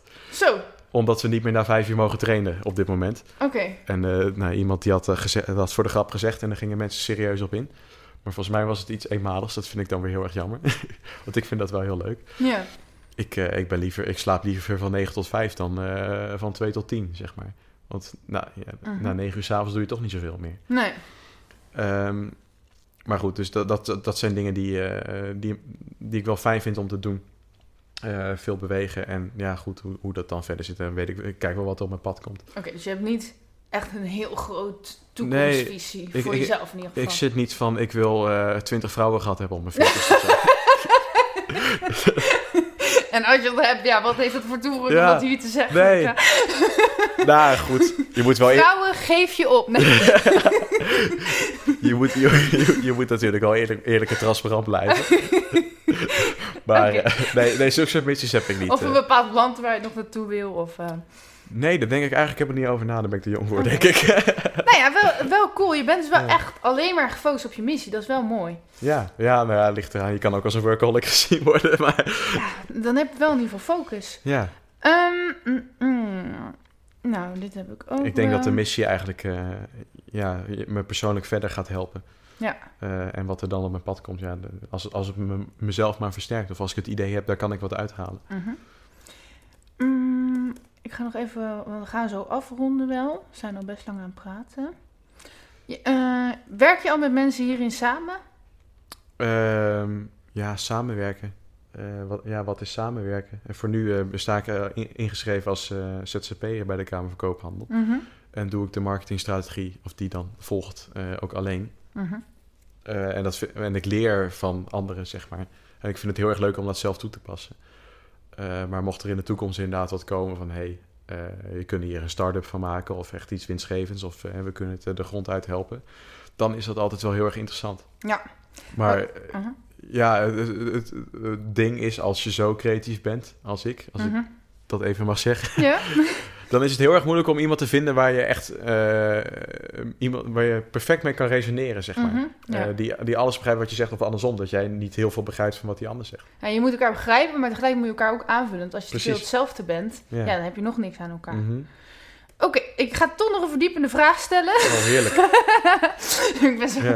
Ehm, studenten gebruiken vaak, en ook scholieren, Mhm. alcohol of drugs op steeds jongere leeftijd.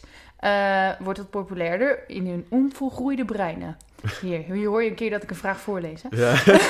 Niet helemaal voorbereid, Hoe raad je ouders en leraren aan om hiermee om te gaan als een kind nog op school zit en zich probeert te ontwikkelen? Waar komt die vraag vandaan? Ja, nou ja, dat zie ik zelf ook. In, ik heb ook eh, lessen gegeven over alcohol en drugs en zo. Ehm, nou ja, het is gewoon populair volgens mij. Ja. Maar het beschadigt wel je brein. Ehm, eh, dus dat is ook een soort concurrent misschien wel van het Ja. onderwijs. Of misschien leer je wel beter met drugs op. Het, het heeft wel te maken met je, eh, eh, het feit het maximaal uit jezelf halen. ja, Ehm, maar ja, je moet niet... Je moet de boel niet gaan verbieden, want als je dingen verbiedt, dan wordt het eigenlijk alleen maar erger. ja, Ik denk dat voorlichtingen erover best wel eh, interessant zijn, maar er, er is ook gewoon een cultuur in Nederland dat het allemaal gewoon kan. Of tenminste, de drank sowieso. mhm. Eh, de drugs, ja, nou, eigenlijk ook wel veel heftiger dan in andere landen. Ehm, ja, heeft dat invloed? Alsnog zijn we een van de slimste landen van, van de wereld. Dus ik denk dat we er wel mee om kunnen gaan. En ja, moet je het veranderen? Kijk, het is natuurlijk heel erg vervelend dat er mensen rondlopen die er niet mee om kunnen gaan. Daar moet je wat aan doen. Maar eh, ja, eh, als, mensen het als mensen er plezier aan beleven Mhm. en ze, ze kunnen er verantwoordelijk mee omgaan, dan is het je eigen keuze. ja, Dan, dan hou ik je niet tegen, omdat ik vind dat het anders eh, moet of omdat het beter voor je is. Je Nee. kiest zelf wat beter voor je is. Ja. En soms weet je niet beter, omdat je niet ruim denkt of dat je die Nee. tunnelvisie hebt van dit is mijn gewoonte en ik heb geen zin om het aan te passen, want waarom zou ik? ja, Dat is misschien leuk om daar iets, eh, iets over te krijgen, maar het is ook heel erg moeilijk om voor iemand te zeggen, ik vind, dat jij geen alcohol mag ja, ik vind dit niet goed voor jou. Nee, Ja, dat, moet uit iemand uiteindelijk zelf achterkomen. Heel veel dingen moet je eigenlijk ook gewoon zelf leren. Ja, Eh, en dat, maar als iemand echt verslaafd is en het is een jonge scholier, dan moet je natuurlijk wel gewoon dan moet je ingrijpen, ja. Want, eh, kijk, als je, als je, het is, die leeftijd is natuurlijk niet voor niets 18. Mhm. Eh, en als je dat vraagt aan iemand onder de 18, dan zegt hij ja, dat is echt onzin. Maar dat, dat zeggen heel veel mensen die, die nog niet een volgroeid brein hebben, als ik het zo mag zeggen. Mhm. Ehm, dus Sorry dat ik je niet meer aankijk. hoor. Ik kijk gewoon even of ik echt de allerbelangrijkste vragen heb gehad. Nee, doe je ding. Hmm, Ja, eh, eh, dus dat, dan, moet je de, dan moet dat inderdaad wel gestimuleerd worden. Ja. Maar Eh, dus heel veel dingen is eigenlijk gewoon je eigen verantwoordelijkheid en je eigen keuze. Oké, ehm, twee vragen nog en dan ronden we af. Mhm. En als ik opeens wegren, is het om op de uitknop te drukken. Ja, dat weet ik. Eén, volgens mij, maar misschien heb jij daar nog nooit van gehoord, maar hebben jongeren een systeem waardoor ze pas later wakker worden? Dat, eh, Oh, ja, ja, ja. Tijd. Mhm. Ehm, dus eigenlijk is het een beetje mishandeling dat we ze zo vroeg naar school sturen. Ja, heel veel pubers, of als je de puberteit ingaat, dan verlaat je klok inderdaad. En jonge kinderen die hebben dat volgens mij juist eerder. Die eh, beginnen om vier of vijf uur s Ja. morgens al met een, eh, met een energie pike of rush of weet ik het wat. Moeten we de schooltijden aanpassen? Ja, 100 procent. Er, is- echt zoveel wetenschappelijk over bewezen dat dat gewoon impact heeft op de resultaten. Ja. Eh, maar ja, aan de andere kant moet het dus ook realistisch zijn. Eh, hè, je wil, als je dat gewoon nu meteen wil doen, dan moet je niet te veel tegelijk willen veranderen. Want dat is gewoon onmogelijk, hoe graag Ja. we het ook willen. Eh, je hebt ook mensen die slachtoffer dan zijn van de afternoonslamp. Dus na 1, 2 uur 's middags, of tussen 1 en 4 uur 's middags ongeveer, dan zit je in te kakken. Nou, het is tussen 1 en 4 uur 's middags nu wij dit opnemen, maar Ja. dat, eh, dat terzijde. Eh daar, daar moet wel echt wat aan gedaan worden. Je ziet gewoon dat eh, toetsen, examens, dat die gewoon slechter gemaakt worden als die in Mhm. de middag zijn. Ja. Je, je moet gewoon uitgaan van de energie die je hebt. Zo haal je het maximale uit jezelf. Ja. Iedereen heeft natuurlijk... eh, Je hebt ochtendmensen en avondmensen. En het, is, het zou helemaal ideaal zijn als je daarop kan inspelen. Maar het zal je verbazen, maar volgens mij is 70, 75 procent van de mensen in Nederland of in, op de wereld is ochtendmens. Oh, Of nou je- daar of- val ik niet onder. Of, of je het nou weet of niet. Heel Ja. veel mensen denken dat ze avondmensen zijn, omdat de, de samenleving eigenlijk dat van hun verwacht. Ja, Eh, hè, je moet eh, van, eh, van half negen tot, tot vier naar school. En dan kun je huiswerk maken, dan kun je nog leuke dingen doen. Maar die leuke dingen die komen eigenlijk pas om half acht. ja, maar aan de andere kant, ik ben dus geen ongemens. Ik moet wel 's ochtends dingen doen en dan eh, loop ik als een zombie die dingen te doen. Ja. Oké, dus eh, we moeten het... eigenlijk had ik nog veel te veel vragen en heb ik er weer helemaal vol zitten praten. Sorry daarvoor. Nou, dat maakt niet uit. Zitten we Eh, over die anderhalf uur heen? Ja, dan? maar Oh, dus echt? we gaan nu afronden. Sorry luisteraars dat het zo lang duurt. Maar als je een beetje passie hebt voor dit onderwerp, dan hou je het natuurlijk wel vol. Ja, ik kan me niet voorstellen dat je niet langer naar mij wil luisteren. is dat toch wel jammer dat ik niet al die andere mensen kan horen? Oké, dus ik had nog genoeg vragen, maar eh, dat eh, stel ik je later nog wel een keer. Ja, Bij de Edis Ondernemers Challenge. ja. Ehm, dus de allerlaatste vraag is: Is er nog iets wat je de luisteraars wil meegeven? En misschien is dat wel een beetje de boodschap aan jouw jongere zelf toen je echt vast zat. Ik ga zo naar de uitknop lopen. ja. Hou je motiverende speech aan je jongeren zelf. Oh ja, en waar kunnen mensen je vinden als ze meer over je willen weten? Ja, eh, ik ben geen motiverende spreker. Ja, net zei je nog dat iedereen eindeloos naar je kon luisteren. Ja, ja, goed. Dat was een beetje om mijn ego te streden. Ehm, ja, eh, eh, het ding is, ik heb mijn missie gedeeld. Eh, ik heb mijn eigen verhaal gedeeld. Ik denk dat dat best veel mensen raakt. Eh, en ik hoop heel erg graag eh, hè, dat als het je raakt, dat je daar verder mee kan helpen. Eh, en ik heb ook verteld op welke manier ik dat van plan ben. Dat is dan nu nog niet helemaal af als de podcast vanavond online komt. Maar je, kan me gewoon volgen. Doe de scherp of op LinkedIn en dan, of op Instagram. En dan connecten we verder. Ik vind het heel erg leuk om binnen mijn eigen netwerk of binnen de eigen community die ik opbouw van mensen die geïnteresseerd zijn om op zoek te gaan naar nog meer hulp en feedback. Eh, dus als je daar een aandeel in hebt, dan is dat eh, hartstikke leuk. En eh, hoop ik je daar te zien. Ja, sorry, ik wil toch nog één toevoegen, dan ren ik zo naar de uitknop. Maar je zegt het is nog niet af, maar je hebt wel genoeg ideeën, genoeg ervaring, genoeg motivatie. Dus loop jij nu vast in het onderwijs en wil je daarbij geholpen worden? Ik zou echt contact opnemen met Doede. Mhm. Want als je eenmaal bezig bent, dan ontwikkel je jezelf verder. Precies. Dus hou, eh, waar kunnen ze je vinden? Op LinkedIn en Instagram. Ja, Doede, Scherp of. zoek hem op, bericht hem, dan kan hij lekker aan de slag. Ja. Start before you're ready. Meer weten? Ga naar belinda.nl of volg mij op Facebook en Instagram. Doei!